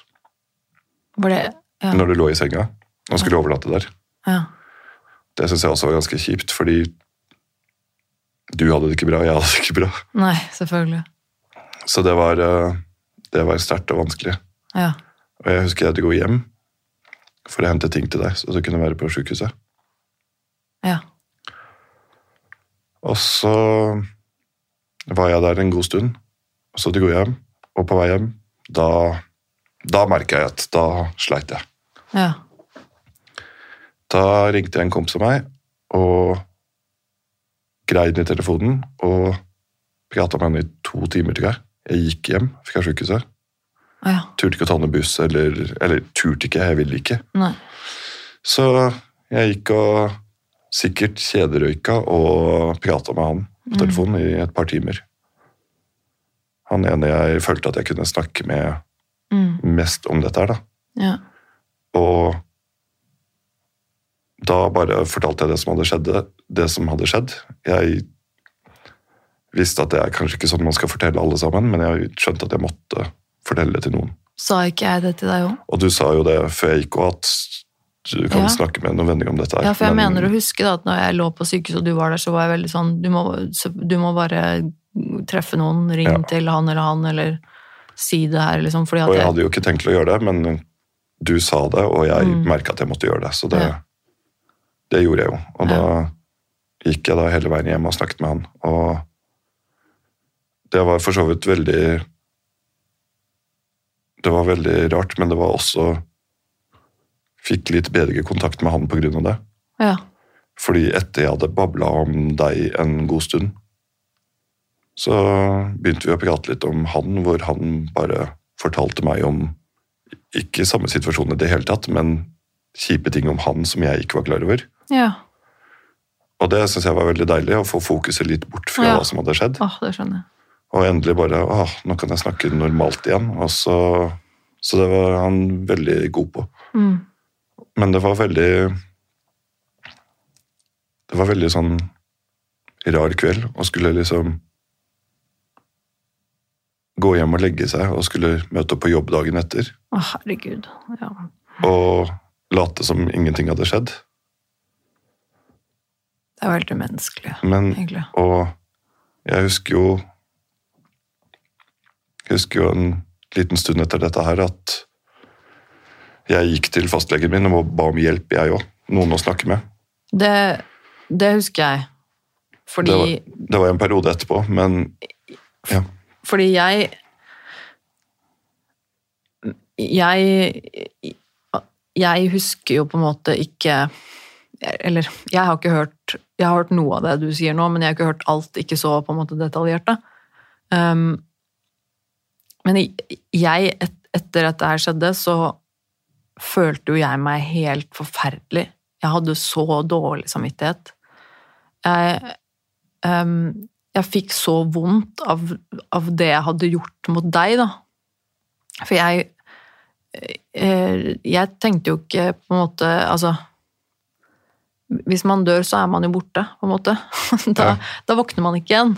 Um, men, men jeg våkna jo, og så måtte jeg jo leve med dette her etterpå, jeg også. Ik ikke Altså eh, for, Fordi det er jo Det var jo veldig vanskelig for meg også å, å faktisk måtte leve med det. Fordi at jeg det, var, det er jo helt forferdelig å gjøre det mot noen. Det er jo helt forferdelig å, å gjøre det mot meg selv og vite på en måte at det går utover deg også. Altså, det er jo på en måte åh, det er, Jeg, husker, det- jeg bare kom på én ting som også ja, gjorde situasjonen veldig rar for min del, var at når du hadde våkna og jeg skulle hjem og hente ting til deg, ja, så husker jeg du var irritert over at jeg hadde klippet opp en genser du likte. Og da husker jeg at jeg ble så forbanna. det husker jeg skikkelig godt, fordi at eh, Ja, men det var Da husker jeg at Ja. Altså, da ble, det ble sånn derre noe materialistisk tull. At det, Men- det skulle ha noe å si. For jeg, for jeg var jo også i, i mitt sjokk, Ja, på en ja. måte. Jeg, jeg hadde jo våknet og hadde opplevd alt dette. her, og Jeg, det var ikke meningen jeg hadde jo feil. Jeg var jo helt Altså, jeg var jo også helt, helt borte, helt sjokka og helt fucka liksom i hodet av, av, av mangel av et bedre ord. Men, men jeg, det husker jeg veldig godt fordi Fordi er, jeg, skal, jeg skal ikke gjenfortelle det hele nå, men det er nesten så, jeg vil, nesten så jeg vil be deg om å høre den episoden hvor jeg snakker om den dagen fra mitt perspektiv. Fordi da, mens du satt på det rommet, så lå jeg på et annet rom og ble behandlet av de som skulle på en måte redde meg og sjekke meg og liksom gjøre alt dette. Og det var traumatisk for meg. Eh, og jeg prøver ikke å nå overskygge din opplevelse og si at jeg har hatt det jævligere enn deg. Altså, det, det er ikke noen konkurranse på noen som helst måte. Men, men, men jeg merka jo Det var jo virkelig traumatisk for meg å ha feila og liksom våkne på den måten. Og det er, det er liksom Det å, det å liksom ligge eh, det å liksom bli dratt inn på eh, akutten på sykehuset, liksom eh, Der er det jo ingen som vil være, på en måte. Uansett om du har gjort noe mot deg selv med vilje, eller om det er en ulykke, eller hva som er. Så når du havner i en sånn situasjon at du ligger på akutten på, på sykehuset, så er det bare jævlig skummelt, liksom. Ja, det skjønner jeg. Uansett hva situasjonen er på forhånd, så er det på en måte helt forferdelig sted å bære. Ja, men jeg var jo redd på begges vegne, fordi Ja, ja, jeg skjønte jo at du også hadde det helt grusomt. Ja, og det, og det, og det, var, det var skikkelig traumatisk for meg, akkurat det der. Hvor, og, jeg var, og, de, og jeg lå jo på det bordet med alle Jeg, var, jeg hadde jo, var jo helt De hadde jo sti, stivet opp holdt opp i Kroppen min hadde, jeg, jeg kunne ikke bevege meg. Det var jo eh, på det bordet og sånn. Eh, og det, jeg så bare rett oppover med alle de der lysene og alle menneskene. Det var dritmye folk Ja. eh, som, som gjorde Alle har sin oppgave, ikke sant? Alle rundt omkring. og um, Noen satt inn en veneflon der på den, og så skulle de sette en i liksom, beinet og andre armen, og det, og det var bilder som skulle tas, og det var eh, Det var, det var helt sykt, og, og, men akkurat det husker jeg så godt. Fordi at de klippet, de klippet jo selvfølgelig av meg klærne. ikke sant? De gjør jo det. Mm. For de må jo komme til, og de skal ikke flytte på meg, så de må jo selvfølgelig klippe opp klærne. Jeg skjønner jo hvorfor. Men jeg syns det var um, Det var forferdelig. Det var helt, det var helt forferdelig. Um, jeg, hus, jeg, kjenner, jeg kan fremdeles huske å kjenne den følelsen av den saksa mot huden min, Ja. og den lyden, den derre lyden hvor de liksom klipper oppover magen, oppover brystet, og, liksom, og jeg ble jo til slutt liggende på det bordet helt naken. Ja. Jeg lå jo på det bordet helt naken, livredd, eh, og følte meg så ille som jeg aldri har følt meg i hele mitt liv. Og og samtidig er det fullt av fremmede mennesker som løper rundt meg og sier ting jeg ikke skjønner, prøver å snakke til meg, og jeg klarer ikke å Jeg skjønner ingenting. Jeg er helt i panikk og sjokk. Og blir stukket nåler i meg og tatt bilder, og jeg skjønner absolutt ingenting. Og så blir jeg liggende der naken, og de setter inn kateter, og det er liksom Altså, de er, de er i alle åpninger. Altså, det, det, var, det var helt forferdelig. Og jeg husker det når vi lå jeg, jeg husker ikke at jeg sa det til deg, det du, det du nevner med at jeg var så irritert over genseren. Det kan jeg ikke huske at jeg sa til deg. Nei. Men jeg husker, jeg husker det. At, at jeg ble så opprørt over det. At liksom det, der, at, at det ble, Av en eller annen grunn så ble det noe jeg hang meg opp i. da. Den, Jo, men at det ble liksom det ble liksom kulminert i den følelsen av det hele den opplevelsen. ble liksom, ja men se, De, de, klippet, altså, de klippet av meg klærne. altså, De ødela klærne mine. altså, ja, den Jo, der. men jeg kan, jeg kan, altså Når jeg tenker tilbake på det nå, så er det egentlig helt greit, fordi jeg skjønner hvor urasjonell jeg var. Mm. Og jeg skjønner jo at du også Det var sikkert enkelt, og- enkelt og lett for deg å henge deg opp i en sånn detalj. da. Ja, for Om jeg var jo også helt hadde- sjokka. Ja, ja. Ja. Og det var sånn der, Jeg husker bare at jeg ble veldig irritert akkurat der og da, for jeg tenkte bare Men vet du hva, den genseren der, den kan vi skaffe på nytt, liksom. Ja, og den genseren spiller jo ingen rolle. Nei, Gi nå sånn der- faen i den jævla genseren. Men det var en genser som jeg likte så godt. Ja. Ja. Det var en ny genser til og med. Yep. En genser som jeg hadde bestilt for ikke så lenge siden, og som jeg ikke hadde brukt mer enn et par ganger. Og det var sånn Ødela genseren min. Men da tenkte jo ikke altså jeg tenkte jo ikke da at du var like borte som meg, at du faktisk hadde bare hengt Nei, opp en liten detalj, liksom, Ja. som, som egentlig Altså, det var så rart Ja. at du nevnte noe sånt nå, fordi det var jo en mye mer. Ja, ja. seriøs situasjon som hadde skjedd, så jeg husker liksom bare genser, liksom. Ja, men det var sånn derre Oi, tar hun så lett på det, liksom? Er, det, er det det som var irriterende med den situasjonen her, at genseren gikk i stykker? Men jeg, når jeg ser tilbake på det nå, så skjønner jeg jo at det var langt ifra virkeligheten. Ja, for, det, det, det, som... for jeg, da, da er du på en måte ikke Du er jo ikke til stede, ikke sant. Det, er, det, har på en måte Så hjernen går i en helt sånn annen modus, på en måte. Verden er ikke Det er merkelig, ass. Ja. Veldig, veldig merkelig. Og, og en annen ting En annen ting er Jeg husker da du, da du var på sykehuset sammen med meg um, Nå kommer folk til å tro jeg er, i hvert fall er spikspenna gæren når jeg sier det her. Men eh, jeg, jeg tok en selfie av oss. For det, skulle jeg, det hadde jeg fått med meg at det skal jeg ha med. Dette her må vi jo nå At dette Jeg husker det. At liksom, jeg, jeg tok bilde av oss Ja, av meg jeg, men i sengen, og at du satt ved siden av meg. Og egentlig så var vi jo dritlei oss, hadde helt jævlig begge to. Ja. Men det var liksom bare sånn jeg, jeg, Og jeg aner ikke, jeg tenkte ikke. Eh, noe rasjonelt, i hvert fall. Fordi at, som sagt, du, du, du kobler liksom over i en helt annen verden i hodet. Men, men det, det gjorde jeg også. og Det, det bildet har jeg jo fortsatt. Liksom. Ja. Og det er bare sånn hva, hva skjer, liksom? Det er jo helt merkelig. Ja, men det er rart hvordan, hvordan hodet fungerer i sånne situasjoner. Eller ikke fungerer, for den saks skyld. Ja. Men det, og det jeg begynte å skulle si også, var fordi at jeg Det var jo ganske Det var veldig tungt for meg å etterpå å liksom måtte dra hjem igjen og sammen med deg og fortsette å leve, er jo én ting, for jeg ville jo ikke det. Men en annen ting også fortsette å leve med deg. Altså, ikke, ok, Det hørtes veldig feil ut, da, men, men for jeg måtte jo da leve med det jeg hadde gjort mot deg. på en måte. Ja, det og den, var det jo. Men forferdelige samvittigheten, og det, hvordan jeg så at det hadde påvirket deg, og du var jo forståelig, veldig forståelig, så var jo du redd hver gang du kom hjem fra jobb.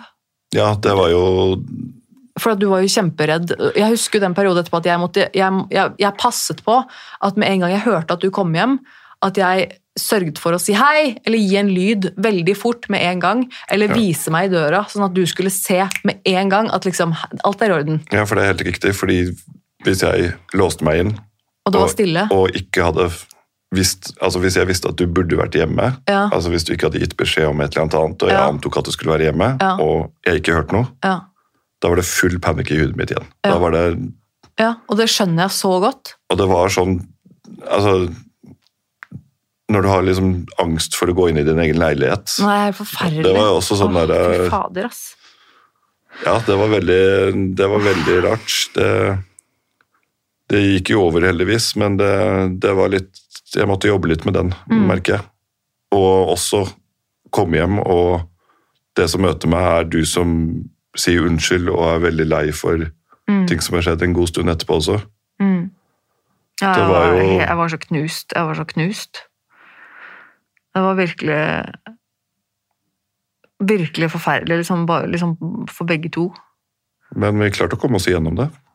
Og da husker jeg at da på, på et tidspunkt så, så sa jeg til deg at du skal til fastlegen din, Ja, og du, du, skal, du må fortelle fastlegen hva som har skjedd. Du må fortelle fastlegen hva jeg har gjort, og hva, og hva, hva som hva er vanskelig. Og, og, du må få sykemelding, Ja. og du må be om å få en henvist til psykolog. For, og det var jeg, det, da husker jeg at det var jeg, det var jeg helt bestemt på. At det må du bare gjøre, rett og slett. Du hadde snakket med meg før denne situasjonen nå. Ja, jeg hadde nevnt at jeg kanskje tenkte at du burde kanskje du, snakke med du hadde begynt å gå til psykolog, og du ville gjerne etter hvert at jeg også skulle snakke med Ja, noen. Hvis ja. jeg ikke fikk snakket nok med venner og så, videre, så Ja. ville du at jeg også skulle gå og snakke med noen. Jeg var veldig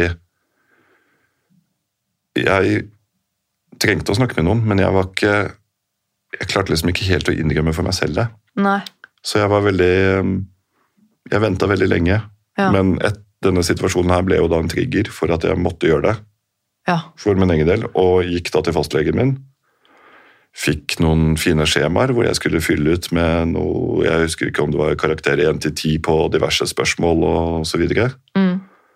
Uh, og fikk da Han skulle sende da henvisning videre, og fikk etter noen uker et brev i posten med noe Ja, du har blitt tatt opp i noe Hva var det? Raskere, Raskere tilbake. tilbake. Ja. Som var et program for å få folk tilbake i jobb etter det hadde skjedd noe. Sykdom og sånn. Ja, eller, Og da ja. fikk jeg da Nå husker jeg ikke om det var 10 eller 20 timer ja, med psykolog. Mm. Og dette her da tok tre måneder etter at henvisningen var sendt inn, Gikk det så lang tid? Før jeg fikk innkalling til dette programmet, som skulle hjelpe meg tilbake i jobb. Hvor jeg da det tre måneder? hvor jeg da hadde vært i jobb. Jeg mener jeg husker at det var tre måneder. Shit. og hvor jeg da skulle få hjelp til å komme meg tilbake i jobb, hvor jeg da hadde vært i jobb hele tiden. Så jeg ble litt sånn derre Ok, det tar tre måneder når det har vært en sånn situasjon, og jeg ber om hjelp. Der syns jeg Norge kan bli litt flinkere på Ja, Det er jo ikke noe tvil om at det er eh, Det er jo, det er jo et kjempeproblem i psykisk helsevern. At det er jo, det er jo ikke rask nok hjelp og hjelp nok for de som trenger det. Det er jo, det er jo ikke tvil om det. Men heldigvis så fikk jeg noen å snakke med. Ja, du fikk heldigvis det etter hvert, og det tror jeg var veldig bra for deg. Det var det. Det var jo også en Det var jo også litt rar situasjon med tanke på at det hadde gått så lang tid. Ja. så ble det ble det noen av timene De første timene så snakket vi veldig mye om hva som hadde skjedd. Ja. Men i timene etterpå snakket vi ikke så mye om hva som hadde skjedd, men hvordan jeg var, og hvordan jeg oppførte meg, og Ja. hva jeg gjorde galt med at jeg ikke liksom tok vare på meg selv og måtte Altså, Ja. måtte Altså, se ja, litt på meg oppi dette her, og ikke bare ikke bare Tone, Tone, Tone vil det, Tone gjør det, Tone skal det. Ja. Så, så hun var veldig flink til å bare nå, Men nå, nå snakker du feil igjen. ja, nå må du konsentrere deg om deg selv. Nå må du si noe om deg. Liksom. Ja, Det er ikke, jeg spør ikke om Tone. Hvordan har du det? liksom? Ja. sånn. Det, Så det var jo kjempebra. Jeg fikk jo da disse Jeg husker ikke om det var 10 eller 20 timene, men uh, fikk i hvert fall da snakket litt. Og jeg husker i siste timen så ble psykologen min litt sånn Ja, jeg skjønner ikke helt hvordan du har klart deg så bra, og hvordan du fortsatt fungerer nå, men altså, hvis du trenger videre hjelp, så må du søke inn på nytt. Mm, Men hvis du spesifikt søker etter meg, så har jeg aldri sagt nei til en pasient. Så du kan fortsette å gå til meg hvis du vil, liksom. mm, Og jeg bare, ja, det er kjempebetryggende, men faktisk så tror jeg jeg liksom har mm, kommet meg et stykke nå. Så det var jo mm. Ble du Ble du sint på meg? Det var det som var så vanskelig å bli sint på deg oppi alt dette her også. Ja, men du var egentlig det, eller?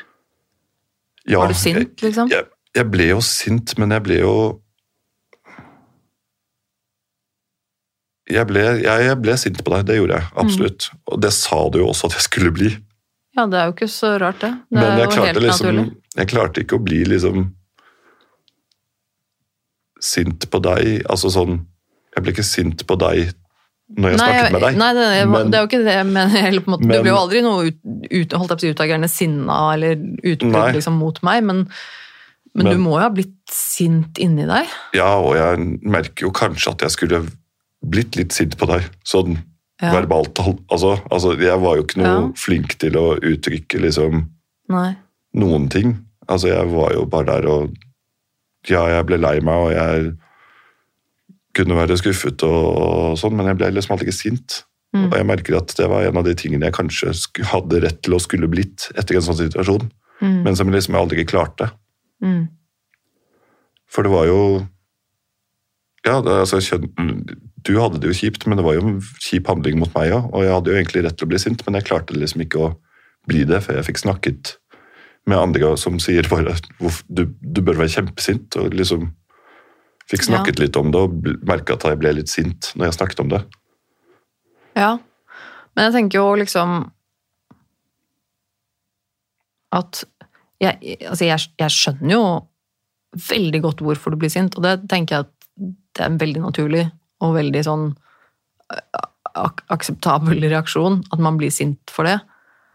Men, men ble du sint Ble du sint på meg, liksom? Eller ble du sint på sykdommen min eller situasjonen? For jeg Jeg tenker at du, du Jeg husker for jeg, Unnskyld at jeg avbryter, men, men for du, du Jeg tror jeg spurte deg om det her en gang. Jeg tror jeg spurte deg om Er du sint, eller ble du sint på meg?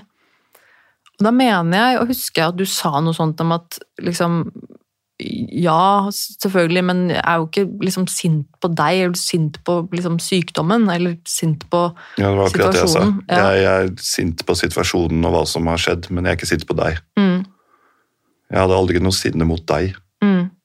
Jeg tror også det er For det er også en sånn Jeg skjønner jo det at folk som aldri har stått i den situasjonen selv, som aldri har ønsket å dø, og liksom og folk som aldri har prøvd å ta livet av seg og sånn, det er veldig, veldig, eller kanskje helt umulig å sette seg inn i den situasjonen, det tror jeg. Det, hvis man ikke har kjent på det sjøl, så er det nest, sikkert umulig å, å, å vite hvordan det er, naturlig nok. Um, og jeg tror også at det er men, men det er på en måte en sånn Først så tror jeg ikke liksom det hjelper å Dette er ikke noe liksom kritikk mot deg, eller noen ting, nå snakker jeg litt mer generelt. Men å bli sint på noen for det, tror jeg ikke hjelper noen ting. Eh, Jeg skjønner jo at det er en Jeg tror det er veldig riktig sånn som du sier, at og, det er lov å bli sint, selvfølgelig. Det er lov å ha en følelse, det er lov å bli frustrert og sint og lei seg, og selvfølgelig helt åpenbart, men jeg tror også det å å vite at den personen som ønsker å ta livet av seg, det er som regel aldri en person som ønsker å såre noen andre. Jeg gjorde jo heller ikke det og, fordi at jeg ville såre deg. Jeg, det er jo heller på tross av det. På en måte. For jeg, jeg, jeg, visste jo at det kom til å gjøre deg vondt. Jeg visste jo at det kom til å være helt forferdelig mot de som brydde seg. Men da kan du tenke deg da, hvor, hvor vondt man har det. Liksom. Hvor jævlig det er i hodet til en som vil dø. Når du på tross av alt Når du på tross av at du vet hvor mye det gjør vondt å dø for de rundt deg, så vil du likevel gjøre det. Ja. Og det er sånn og det er en så, så sterk smerte som jeg, som jeg, ikke unner noen. Og som, som, jeg virkelig som, som, ikke går an å forstå hvis ikke du har stått det selv. Og det er sånn og det, Du kan tenke deg liksom at det, jeg, visste jo hvor jævlig det kom til å være for deg, og alle som var glad i meg. Og likevel så følte jeg at men, men det er faktisk noe jeg bare må gjøre. Um, det, er min, det er mitt valg, det er min rett, det er min Eh, Kall meg så jævlig du vil, liksom, men, men, det er på en måte, det er mitt liv, det er jeg som må leve det. Jeg, jeg er lei for at det er så jævlig for dere rundt, men, men, men, mitt liv er mitt problem. Mitt liv er mitt ansvar. Altså litt den, da. Og, og likevel så var det liksom jeg, bestemte at Det var liksom den tanken jeg hadde, at liksom Sånn må det bare være. Og så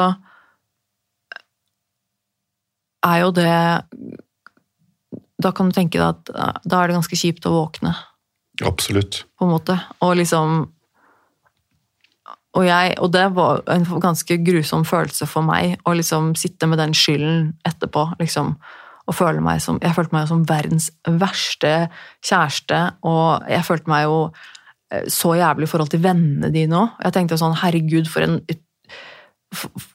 så jævla drittkjerring de må tenke at jeg er nå. At jeg gjør dette her, og at de må være sinte på meg. Og, ja, nei, var, jeg tenkte så mye uansett. Men det er liksom eh, Virkelig Åh, det er Ja. Eh, nei, men jeg skjønner, skjønner veldig godt Jeg tror du er veldig sånn jeg tror det er en veldig sånn voksen tanke, veldig sånn reflektert og voksen tanke av deg òg. At du på en måte kunne at du på en måte kunne være så sterk og, og se den vinkelen. At du, at du, på en måte da kunne si til meg at jo, jeg, jeg, er sint, men jeg er sint på situasjonen. Jeg er sint mm. på at du er syk, jeg er sint på alt det, men jeg er ikke sint på deg. Og det er sånn Det er, det er beundringsverdig holdning å kunne tenke, på en måte. Virkelig. Um, og det, det husker jeg at da du sa det til meg, så ble jeg veldig sånn jeg ble letta, at det letta meg òg. For det var sånn Ja, men jeg er faktisk syk. Og jeg, og jeg, kan ikke noe for at jeg er syk, og jeg er veldig glad for at du skjønner det. på en måte. Det, så, det, var viktig for meg at, at du, du, skulle få være så sint og være så lei deg. Så, dine følelser er dine følelser, og de skal du få ha. Men at du bare på en måte skjønte at at, at, er, at, jeg er syk, på en måte. jo, men det var sånn ja. fin samtale å ha mm. etter lite grann, og bare at vi fikk begge sagt at mm eller at du skjønte at jeg var sint på sykdommen og ikke deg, osv. Og, så videre, og jeg ja. fikk sagt at jeg var sint for situasjonen som skjedde, osv. Mm. Tror du, tror du du mista noen følelse for meg etter det skjedde? Nei. Gjorde du ikke? Nei? Jeg tror ikke det. Mm. Det var fortsatt fortsatt klarte å skille på deg som person og hva du led av, holdt jeg på å si. Ja. Det er ganske sterkt, faktisk. Men du, hva, hva, tror du på en måte hva, hva, tror du, hva tror du at man trenger, da? Liksom? Hva hadde du trengt? Altså, den psykologen du fikk, den, den psykologhjelpen du fikk, det var jo noe du trengte, tror jeg. Og, men den skulle jo helst uh, ideelt sett kommet før. Ja. Og, eh, men er det andre ting? Jeg tenker på de på sykehus og sånn. Hvordan, hva, hva, tenker du at liksom det beste hadde vært i en sånn situasjon? En det er vanskelig å si, fordi for min del så var jeg jo sikkert helt kaos selv, så det hadde kanskje ikke vært noe hjelp i at noen sitter der og prater med meg, eller et eller annet, på sykehuset f.eks. Men mer informasjon vet jeg, altså Nå må jeg ærlig si at jeg kanskje fikk masse informasjon om hva som skjedde hele tiden. ja, ja. Men, Men, det gikk ikke inn, på en måte? Nei. nei jeg følte jo at jeg satt på et rom hvor det var plass til ti mennesker, Mm. Og jeg sitter ikke alene der i et hjørne og griner og får en kopp kaffe og føler at jeg sitter der i en Mm. evighet uten at jeg får vite hva som skjer. Mm. Og jeg vet at du er trilla inn på et rom, og at Mm. de ikke vil sjekke deg. Men jeg visste jo ikke noe mer. Nei. Og jeg skjønner at de ikke kan komme løpende og fortelle meg hva som skjer til enhver tid, men jeg følte da at det tok 100 år før jeg fikk vite at du var ved bevissthet, og at du liksom Mm. hadde det Altså, det var ikke noe fare og sånne ting, og det Det er sånn Det føltes som en evighet, og det kan godt hende at det var tre minutter, at det var Ja, det altså, er jo umulig for deg å si, Ja. skjønner jeg veldig godt. At det, ja. Og så når, jeg først, når det først kom inn en og snakket med meg, så følte jeg at hun bare så ned på meg og bare ville ikke være der. Og ville ikke sitte og prate med meg. Mm. Men det er igjen fra mitt synspunkt. Det ja, kan jo ja, godt men hende at alt eh, dette er fra ditt synspunkt. Det er bare Og det er jo, de har jo ikke akkurat noen psykologer stående klare til å ta imot Nei. pårørende på den måten som jeg var heller. Nei. Så jeg skjønner jo at en eller annen sykepleier ikke kan bare oi, sette seg inn i situasjonen og bare Hm. Men jeg følte at det var litt sånn der, oi, stakkars deg, skal du ha en kopp kaffe? Ja, da går jeg igjen. Ja. Men De var, de, var så, de var opptatt, liksom. De var opptatt Ja. med andre ting. Det var liksom den følelsen du fikk, på en måte. At det var Eller? Ja, det var liksom sånn der eh, Ja, det var veldig Det var ikke så veldig hyggelig for meg å være der. Nei. nei. Og jeg følte, jeg følte kanskje ikke at de var så veldig hyggelige med meg heller, for det var liksom Huh. Ja. Men igjen, det var sånn jeg følte Ja, det. Det kan godt hende at det det, var en helt annen situasjon i virkeligheten, for jeg var jo helt i ørska sjøl. Ja, ja, men altså, uansett, jeg tenker at det, det er jo sånn du oppfattet det. Eh, Og det kan jo hende at det stemmer. altså Selv om du Jo, men det kan jo også godt hende at det var noen kjempesnille, hyggelige folk som snakket med meg, som jeg har bare gått meg helt huset forbi fordi jeg satt der og bare tenkte mine egne tanker. ja. Men det jeg husker fra situasjonen, var at det var liksom et kaldt, kjølig rom hvor jeg fikk en kopp kaffe etter hvert. Mm. Og det var liksom Oi, stakkars deg. Mm. Og så gikk de igjen. Og så går det en stund, og så kommer de tilbake, og så bare ja, nå går det bedre med henne. Nå blir hun rulla inn på et annet sted, og da kan du gå og si hei til henne. Mm. Men det tok jo en evighet, så ja. Men er det sånn at du Hva, hva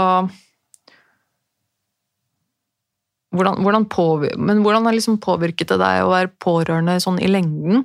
Vi var jo sammen ganske lenge, og sånn utenom disse enkeltstående hendelsene, da, så har det jo på en måte vært Jeg har jo vært langvarig syk, på en måte. Jeg har jo vært eh, dårlig og opp og ned i mange år, på en måte, sånn, og du har jo uten tvil blitt påvirket av det underveis. Hvordan, har, hvordan har det egentlig Sånn som deg som person, da. Hvordan, er, liksom, hvordan er Sverre etterpå, i, etter å ha levd med, med en som var psykisk syk så lenge? Nei, sånn, sånn jeg var, og sånn jeg ble, holdt jeg på å si, under situasjonen, var jo at jeg var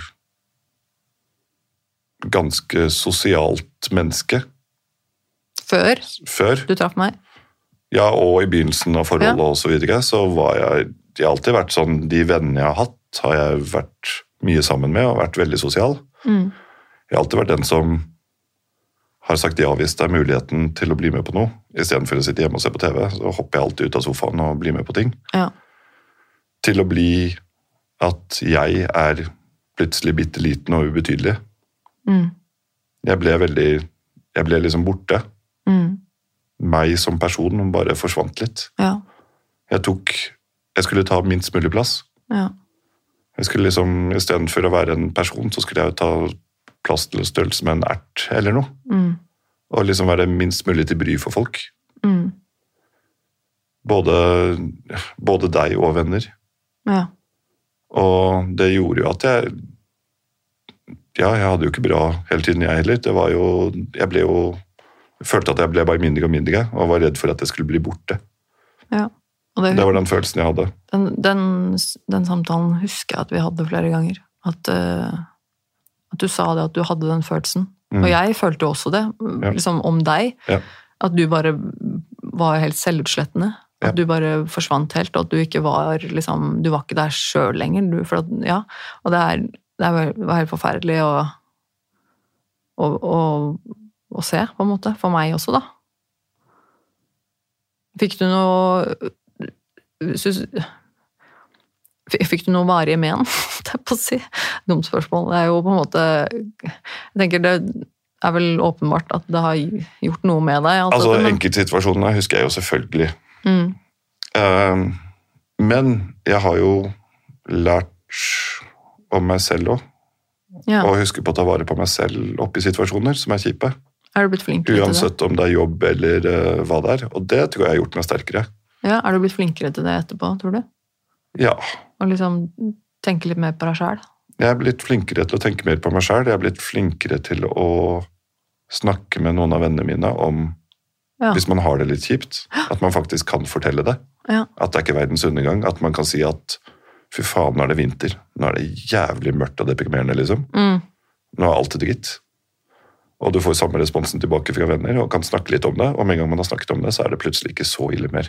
Mm, Og sånne ting har jeg egentlig lært, fordi det var jeg ikke noe god på. nei. Og igjen, jeg har jo vokst litt fra den erten jeg var. Ja. Så Men eh, ja, nei, beste jeg har lært, er egentlig bare å huske på å ta vare på seg selv oppi alt dette her. Absolutt. Det er kjempeviktig. Det er liksom alfa og omega, fordi hadde jeg vært litt flinkere til å ta vare på meg selv, så hadde jeg hatt det litt bedre forhold, og det hadde gjort at du kanskje hadde det bedre, fordi jeg prøvde å gjøre alt for å få det bedre for deg, men krympa av det. Og hvis jeg ikke hadde krympa, så hadde jeg kanskje vært litt sterkere og klart å Men det er litt sånn Det er jo, det er jo virkelig sant, det der på en måte at man, man må på en måte helt grunnleggende ta vare på seg selv først. Ja. At hvis ikke du tar vare på deg selv, så kan du heller ikke ta vare på noen andre. Altså, hvis du slett, utsletter deg selv, så, så gjør du ikke noe godt heller, liksom. Altså, det er på en måte Selv om Og jeg det, og det er ikke noe Det er ikke kritikk mot deg, liksom. For jeg, jeg skjønner jo veldig godt hvor det kommer fra. Det kommer jo bare fra ditt fantastiske, varme, gode hjerte, som bare ønsket meg alt det beste i verden. ikke sant? Du gjorde det jo av alle gode intensjoner. Du ville jo bare hjelpe meg. Og, og så resulterer det i at du slett, utsletter deg selv helt, og ikke klarer å ta vare på deg selv. Og da klarte du heller ikke å, noen bedre å takle meg. Nei, og du takle- skulle jo ikke ta vare på meg i tillegg, ikke sant? Så det ble jo Altså, når jeg ikke klarer å ta vare på meg selv, ikke- Og jeg var jo ikke i stand til å ta vare på deg. Jeg Nei. var jo ikke i stand til å ta vare på meg selv engang. Jeg klarte jo ikke Jeg var jo ikke i stand til noen ting, på en måte. Så, og nei, det er bare Det, det, det går på en måte bare én vei, da. Ja. Men jeg kan tenke meg da at så venner og sånn, det har vel vært ganske viktig for deg, vil jeg tro, som pårørende. At man har liksom folk rundt seg man kan snakke med. Ja, og jeg har jo heldigvis i en alder av snart 40, så har jeg jo fått nye venner Mm. som jeg skulle tro jeg hadde kjent hele livet, så det er jo veldig fint. Hvor når man kan fortelle om en kjip ting og faktisk få hyggelig respons, og har da venner som jeg kan snakke med, snakke med kjipe ting om, og det er veldig viktig at folk klarer å fortelle at de har en dårlig dag, og ikke bare later som ingenting. Ja. For det er ganske selvutslettende. Men Sånn- men hva tenker du da som, som, som mann, da? Du var jo litt inne på det på en måte tidligere at eh, at du og liksom dine kompiser på en måte har litt holdt deg på å si overfladisk forhold. Det har, det har, vært, det har vært gode kompiser og betydd mye for hverandre, liksom, men, men det har jo på en måte vært litt sånn at dere ikke har snakket om de vanskeligste tingene, kanskje. Ja, det er når man går ut og tar en øl, så er det liksom bare de positive Ja, tingene. så- Eller egentlig helst ikke noe om livet generelt sett. Det er faktisk mer sånn snakk om ting og det, hva man har sett på TV og alt mulig. ja. Det er liksom ikke om hverdagen, ikke om hvordan man har det. Mm. Og, men eh, hva, hva Det er jo ikke nødvendigvis alltid bra. Jeg tenker, altså sånn, Åpenbart, som du sier, også, at det har hjulpet deg å kunne liksom snakke med kompisene. og, og sånt, Men har du, noe, har du noe råd eller tips til andre menn, eh, menn der ute som hører på nå, som kanskje er i litt samme situasjon, da, som kanskje trenger faktisk å ha en ordentlig prat med noen kompiser, men som ikke liksom hva, hva gjør man, liksom? Eller damer, for den saks skyld. Ja, nei, Jeg ville bare begynt å prøve å snakke med dem om vanskelige situasjoner. Ja. Altså, fordi, som sagt, jeg var veldig flink til å være overfladisk, jeg òg. Vi snakka Om Snakka om, hvordan det var på, ja, hvordan det hadde gått på jobben, hva vi hadde sett på TV. Ikke noe sånn om at nei, i går følte jeg meg skikkelig dritt. Jeg hadde, jeg hadde det helt jævlig, liksom. Det er Mm. ikke noe som var tenkelig å si for vennene mine før forholdsvis nylig. Mm. Og det tror jeg er veldig viktig. Jeg har Mm. snakket med det om vennene mine òg, at man kan komme der og si at fy faen, vinteren er jævlig deprimerende og det er jævlig kjipt og sånne ting. Ja. Og jeg har hørt flere snakke om det som egentlig ikke har snakket om sånne ting. Og bare, Det er litt viktig å fortelle hverandre at kanskje man ikke har det så bra. Kanskje man, kanskje man har lyst til å si noe eller gjøre noe annet enn det man liksom forventes å gjøre. Er det kommer av, tror du? da? At eh, liksom, Sånn som det var, da, at dere ikke liksom snakker om ting. Var det fordi man er, liksom, er man redd for å gjøre seg sårbar? Er du redd for å drite deg ut, liksom? Er du redd for at du ikke skal bli mottatt på en god måte, eller? Jeg tror det er mer bare sånn ikke være fest- festbrems, holdt jeg på å si. Altså Bare holde stemningen oppe, gjøre det enkelt. Mm. Det er flere jeg har snakket med som blir veldig ukomfortable med en gang man prater om litt sånn seriøse ting òg. Ja. Kanskje enten fordi de har tenkt på å prate om ting de ikke tør å prate om de også, eller om de har ikke opplevd situasjonen, så de heller holder kjeft enn å spørre om hvordan ting var. ja. Men jeg tror det er veldig vanskelig. Jeg tror det er veldig mange veldig mange menn som har hatt det sånn som jeg har, med at det er veldig sånn overfladisk venneforhold. Og så Mm. sier man aldri når det går dårlig. Man forteller om de bra situasjonene. Mm. Men snakk om de dårlige òg. Det er så mye deiligere etterpå. Og jeg tenker at det er litt sånn Jeg syns, den er veldig god, den, den eh, historien da, som du nevner med at du eh, Med at du Da du går, går hjem fra sykehuset den, den eh, dagen og snakker med kompisen din på telefonen og forteller det som har skjedd, eh, og du opplever at han ikke bare tar han det imot på en god måte, men han begynner også å dele av seg selv. Mm. Og jeg tror det er en sånn jeg, jeg, tror, jeg tror det veldig ofte er litt sånn at man er redd for å dele ting. eh, Og man syns det er vanskelig, selvfølgelig, for det er vanskelig å snakke om kjipe ting, og det er vondt, og, og, og man gjør seg litt sårbar, og man vet altså Det er på en måte vanskelig, da. Så tror jeg liksom ofte at du At man blir som regel man blir som regel møtt med noe tilsvarende. Hvis man har en, en, en person en som er venn, og dere er venner og dere kjenner hverandre godt, så tenker jeg at hvis du tør å faktisk da åpne den døra litt, da, og bare liksom begynne å dele av de litt vonde tingene, da tror jeg sjansen er ganske stor for at vedkommende også har opplevd ting i livet sitt som, som ikke er så bra, for det, det har vi fleste. Og, og, og da, da faktisk man kan åpne en dør til et litt dypere Ja, men forhold, forhold, på en måte. altså, Eneste rådet mitt er i hvert fall prøv å fortelle at ting ikke er superpositivt. og se, se hvordan venner tar det, og plutselig kanskje får du en historie tilbake, og så styrker du bare vennskapet. mm. Det kan ikke bli noe verre av det. Altså, Nei, jeg kan jeg- ikke se for meg noen situasjon hvor det skader Nei, jeg tenker sånn, hva, hva er det verste som kan skje? Hva er det verste som kan skje? At personen At, Nei, jeg vet ikke. Det at, jo- at, er- at han ser på deg rart, eller ikke skjønner hva du mener. Ok, det er selvfølgelig kjipt, men, Ja, men vennskapet er jo ikke over for det. Altså, jeg tenker sånn, og Hvis det er det verste som kan skje, da, sånn realistisk sett, så, så ok, så er det kjipt, men da er det jo ikke verdensundergang. Og så snakker du med noen andre. Altså, jeg tenker sånn, det, Men det er jo, sjansen er mye større for at For det går som regel bedre enn du tror. Det er liksom det som er poenget mitt. Ja, det går som regel mye bedre enn det man tror. vanvittig mye bedre vennskap etterpå. Ja, I hvert fall eh, min erfaring, da. Ja, Når man faktisk kan snakke om ting. Fordi det er litt ålreit å kunne snakke med kompiser. ja. Det er liksom ikke alle som har en psykolog å prate med, eller eh, familiemedlem som syns de hører på og sånn, og det er kanskje ikke alt man har lyst til å snakke med alle andre om heller, men finn en god kompis eller en veldig god venninne og bare nevn nevn ting som er kjipt, så får du kanskje en positiv opplevelse ut av det. Plutselig så kan man sitte der og prate om ting som er dritt sammen, og så har man det så mye bedre etterpå sammen. Ja, Jeg tror det er et veldig bra råd. Um, va- var det Var det sykdom eh, Sykdommen min, eller liksom de greiene der som gjorde at eh, forholdet vårt ikke funka, tror du? Jeg velger å tro det. Ja. Eh, fordi på grunn av sykdommen din så havna vi i en spiral nedover som gjorde at alt ble bare kjipere for oss begge. Ja. Og hadde ikke det skjedd Ja, det er umulig å si, da. Ja, ja. Men uh, jeg tror faktisk at vi hadde hatt det supert fortsatt. Mm. Men igjen, kanskje det hadde vært en annen ting som hadde dukka opp, som hadde gjort at vi ikke Altså, Ja. ja, det er jo helt umulig å si. Selvfølgelig. Det er jo det, men, men, eh, men jeg, jeg legger mye av skylda på sykdommen. Ja, jeg tror, jeg tror også at eh, den sykdommen At det har ødelagt mye. At det- har det jo på en måte helt åpenbart. Men jeg tror, det ødela mye av, av meg, og det har du alltid gjort. Jeg har alltid hatt liksom veldig mye relasjonsproblemer og problemer med meg selv og, eh, og de tingene der, og som i utgangspunktet gjør det veldig vanskelig for meg. Men det jeg, det jeg tenkte altså,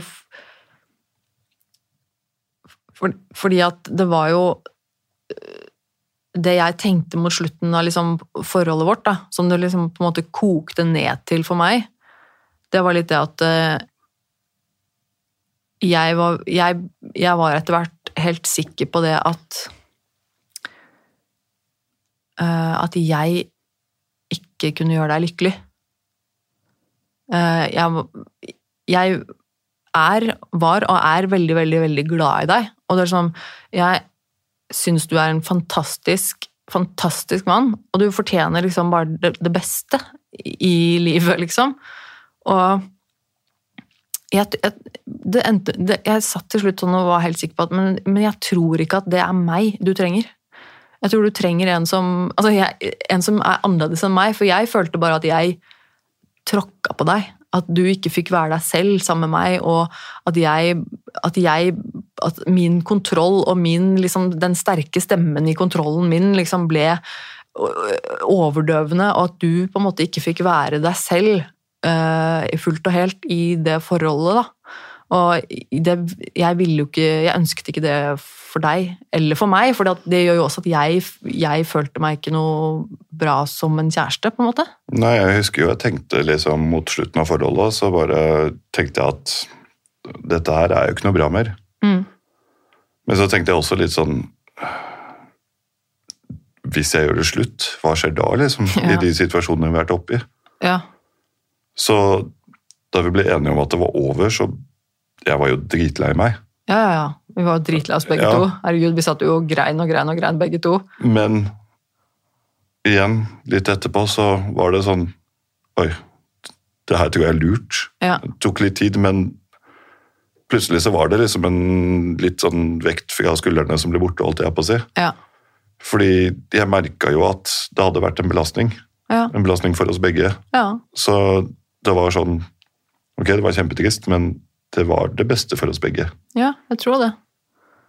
Og, og, og det er alltid liksom jævlig og trist og vondt, og fordi vi ville jo så gjerne at det skulle funke. Vi prøvde jo hardt. Faen så hardt vi jobba i forholdet vårt. Altså, vi hadde jo så mye fint òg, da. Altså, Ja. Herregud, du må jo, nå sitter vi bare og snakker om alt Ja. det negative, men, eh, men vi hadde jo så mye fine opplevelser sammen. Og det er jo en grunn til at vi ble sammen og holdt sammen så lenge. Det er jo fordi at vi var forferdelig glad i hverandre og uh, hadde et kjempebra forhold når det var bra.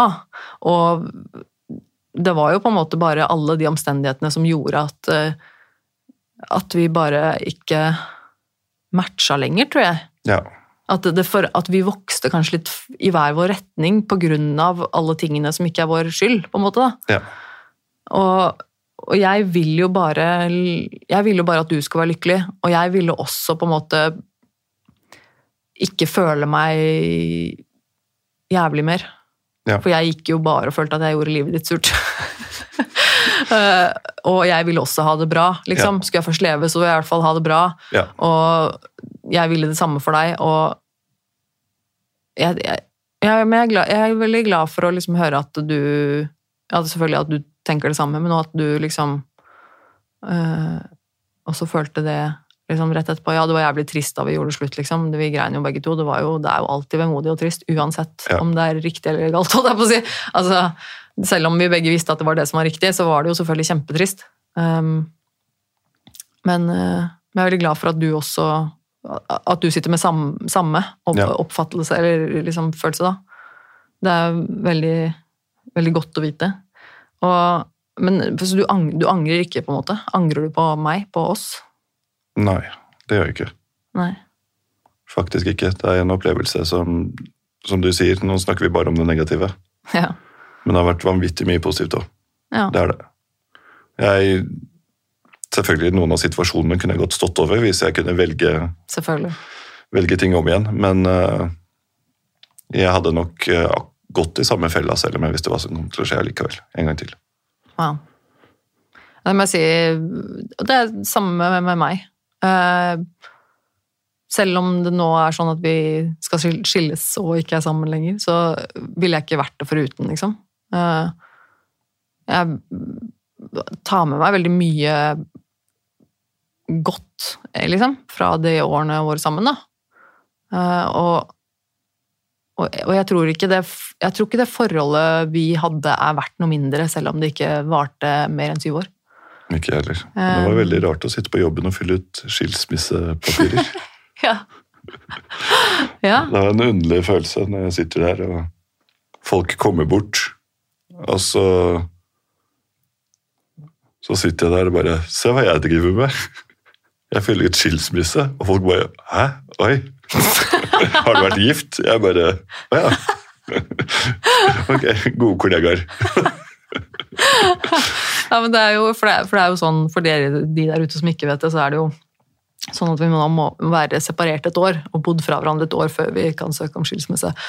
Så nå hadde det da gått et år, og vi søkte om skilsmisse. I går var, det da, var vi over datoen hvor vi hadde bodd fra hverandre et år. Så da, nei, eller fikk innvilget separasjonen, og så kunne vi søke om skilsmisse. Og det er jo litt sånn det, jeg, det sånn, jeg får en sånn dårlig samvittighet for å være glad for det. på en måte. Det er sånn, fordi Ja, at, jeg er fordi det er jo ikke noe, noe offens mot deg, men det er liksom sånn Det føles jo fint at man kan liksom så, Ja. altså, Men det er så rart, fordi at det er liksom vemodig og litt trist. Det, det var liksom blanda følelser da jeg satt med det skilsmisse. For det var liksom skilsmisse. Nå er det liksom Det er skilsmisse. Nå får du det bekreftet at liksom det, Nå er det over og slutt. Og da har det jo vært en stund nå, liksom, men likevel så var det litt sånn du, jeg, fant, jeg, jeg, jeg ble jo på en måte plutselig sittende der og liksom mimre litt og på en måte og, over tiden og at det liksom ikke funka. Og, og det er jo vemodig. Det er jo, det. men Men, det er jo så synd at uh, i, i min situasjon nå, da, så syns jeg det er så synd at skilsmisse skal være noe negativt. ja. Fordi du får jo avslutta et eller annet som kanskje ikke har fungert. mm, Og som ikke har fungert, helt Ja. åpenbart. ja, ja. Som ikke har fungert i det hele tatt. Men Ja. eh, ja. Men jeg syns det er så dumt at eh, folk skal eh, At det skal knytte så mye negativitet til det, fordi det er jo egentlig en, kanskje en fin utvei. Mm. At litt mer at faktisk Oi, nå Ja, det er synd at det ikke fungerte, men skilsmissen er i hvert fall Nå har man funnet ut at man går egne veier, og hvorfor Mm. skal det være så trist, det med skilsmisse? Fordi forholdet har jo allerede Ja. ja, i hvert fall når det er en, Da tenker jeg så, sånn sett burde jo separasjon det burde være det tristeste. For Ja. det er jo da det faktisk er slutt. Jo, Når du nesten søker om skilsmisse, så har det jo vært slutt en stund. Jo, men separasjonsskjema, det var litt mer sånn der Oi, nå, dette her var, eh, Ja, dette var litt rart. ja. Det, men, for- men skilsmisse var sånn Ja ja, da skal vi bare finne noen vitner og så bli ferdig med dette her. Ja, men fordi at da vi søkte om separasjon, så var det jo fortsatt såpass ferskt, det bruddet, at da, det, da kjente jeg det litt mer. Da var det sånn Uff. Selv om Ikke noe sånn angre sånn type.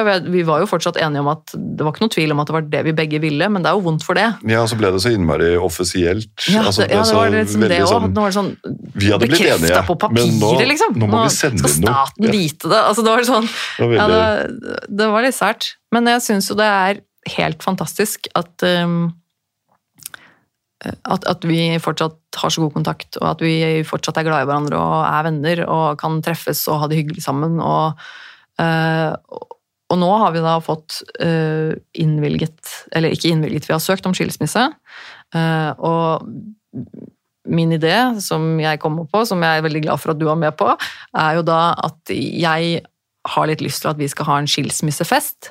Så når vi får innvilget den skilsmissen, som forhåpentligvis er før midten av mars Så, For da skal vi ha en eh, tenker vi i hvert fall å ha en, en fest, faktisk. eh, Hvor vi skal eh, invitere våre felles eh, venner, nye venner, gamle venner av deg og meg, og eh, finne steder hvor vi kan samles og rett og slett bare feire at det er en ny start Ja. for deg og meg. eh, Eller ny start for deg og en ny start for meg. Um, og uh, egentlig hedre litt det vi hadde sammen. ja.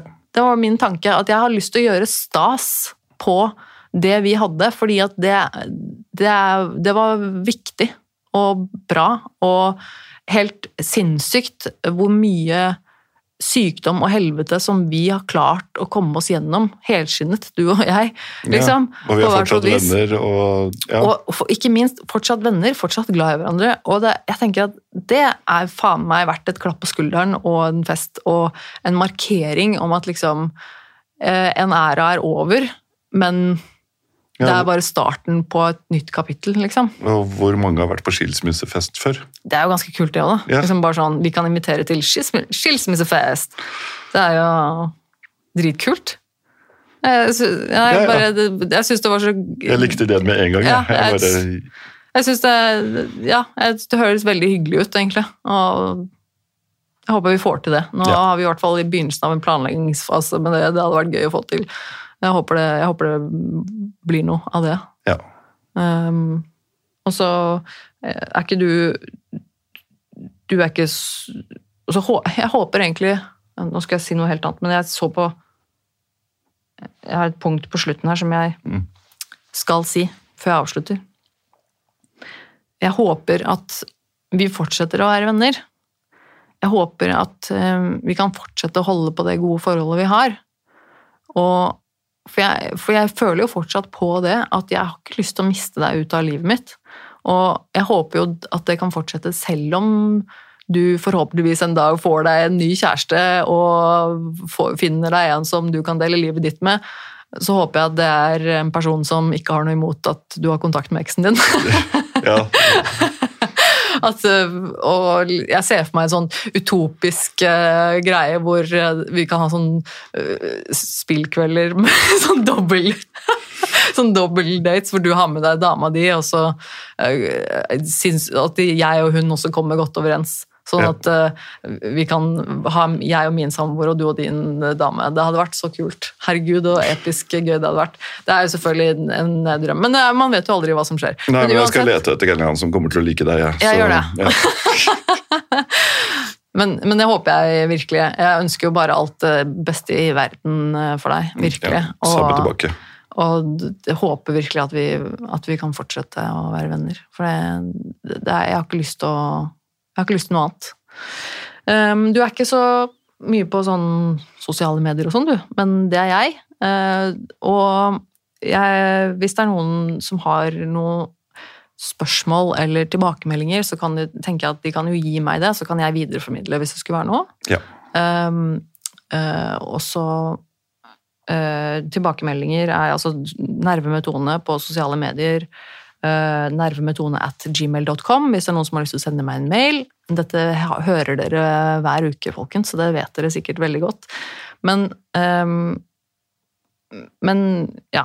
vi- Vi skal avslutte nå, men eh, jeg må liksom bare si tusen takk. For jeg syns det her har vært utrolig fint og trist og vemodig og fantastisk og veldig hyggelig at du var med og ha denne samtalen her. Hvordan det har vært. Men jeg vil gjerne si tusen takk for at du ville ha meg med også. Ja, det er, eh, utvilt. Du var, du var en av de første jeg tenkte på da jeg begynte podkast. Liksom, hvor kult hadde det ikke vært hvis jeg noen gang skulle klart å lure deg med på det her? Og det klarte du. Det klarte jeg, og det er jeg veldig glad for at jeg klarte. Eh, Og at du ombestemte deg og sa ja likevel. For ja, tusen takk for samtalen. Det var veldig, veldig hyggelig. Um, og så tror jeg at eh, vi ses igjen snart. Det gjør vi nok. Ja. Men uh, tusen takk. Ja, takk skal du ha.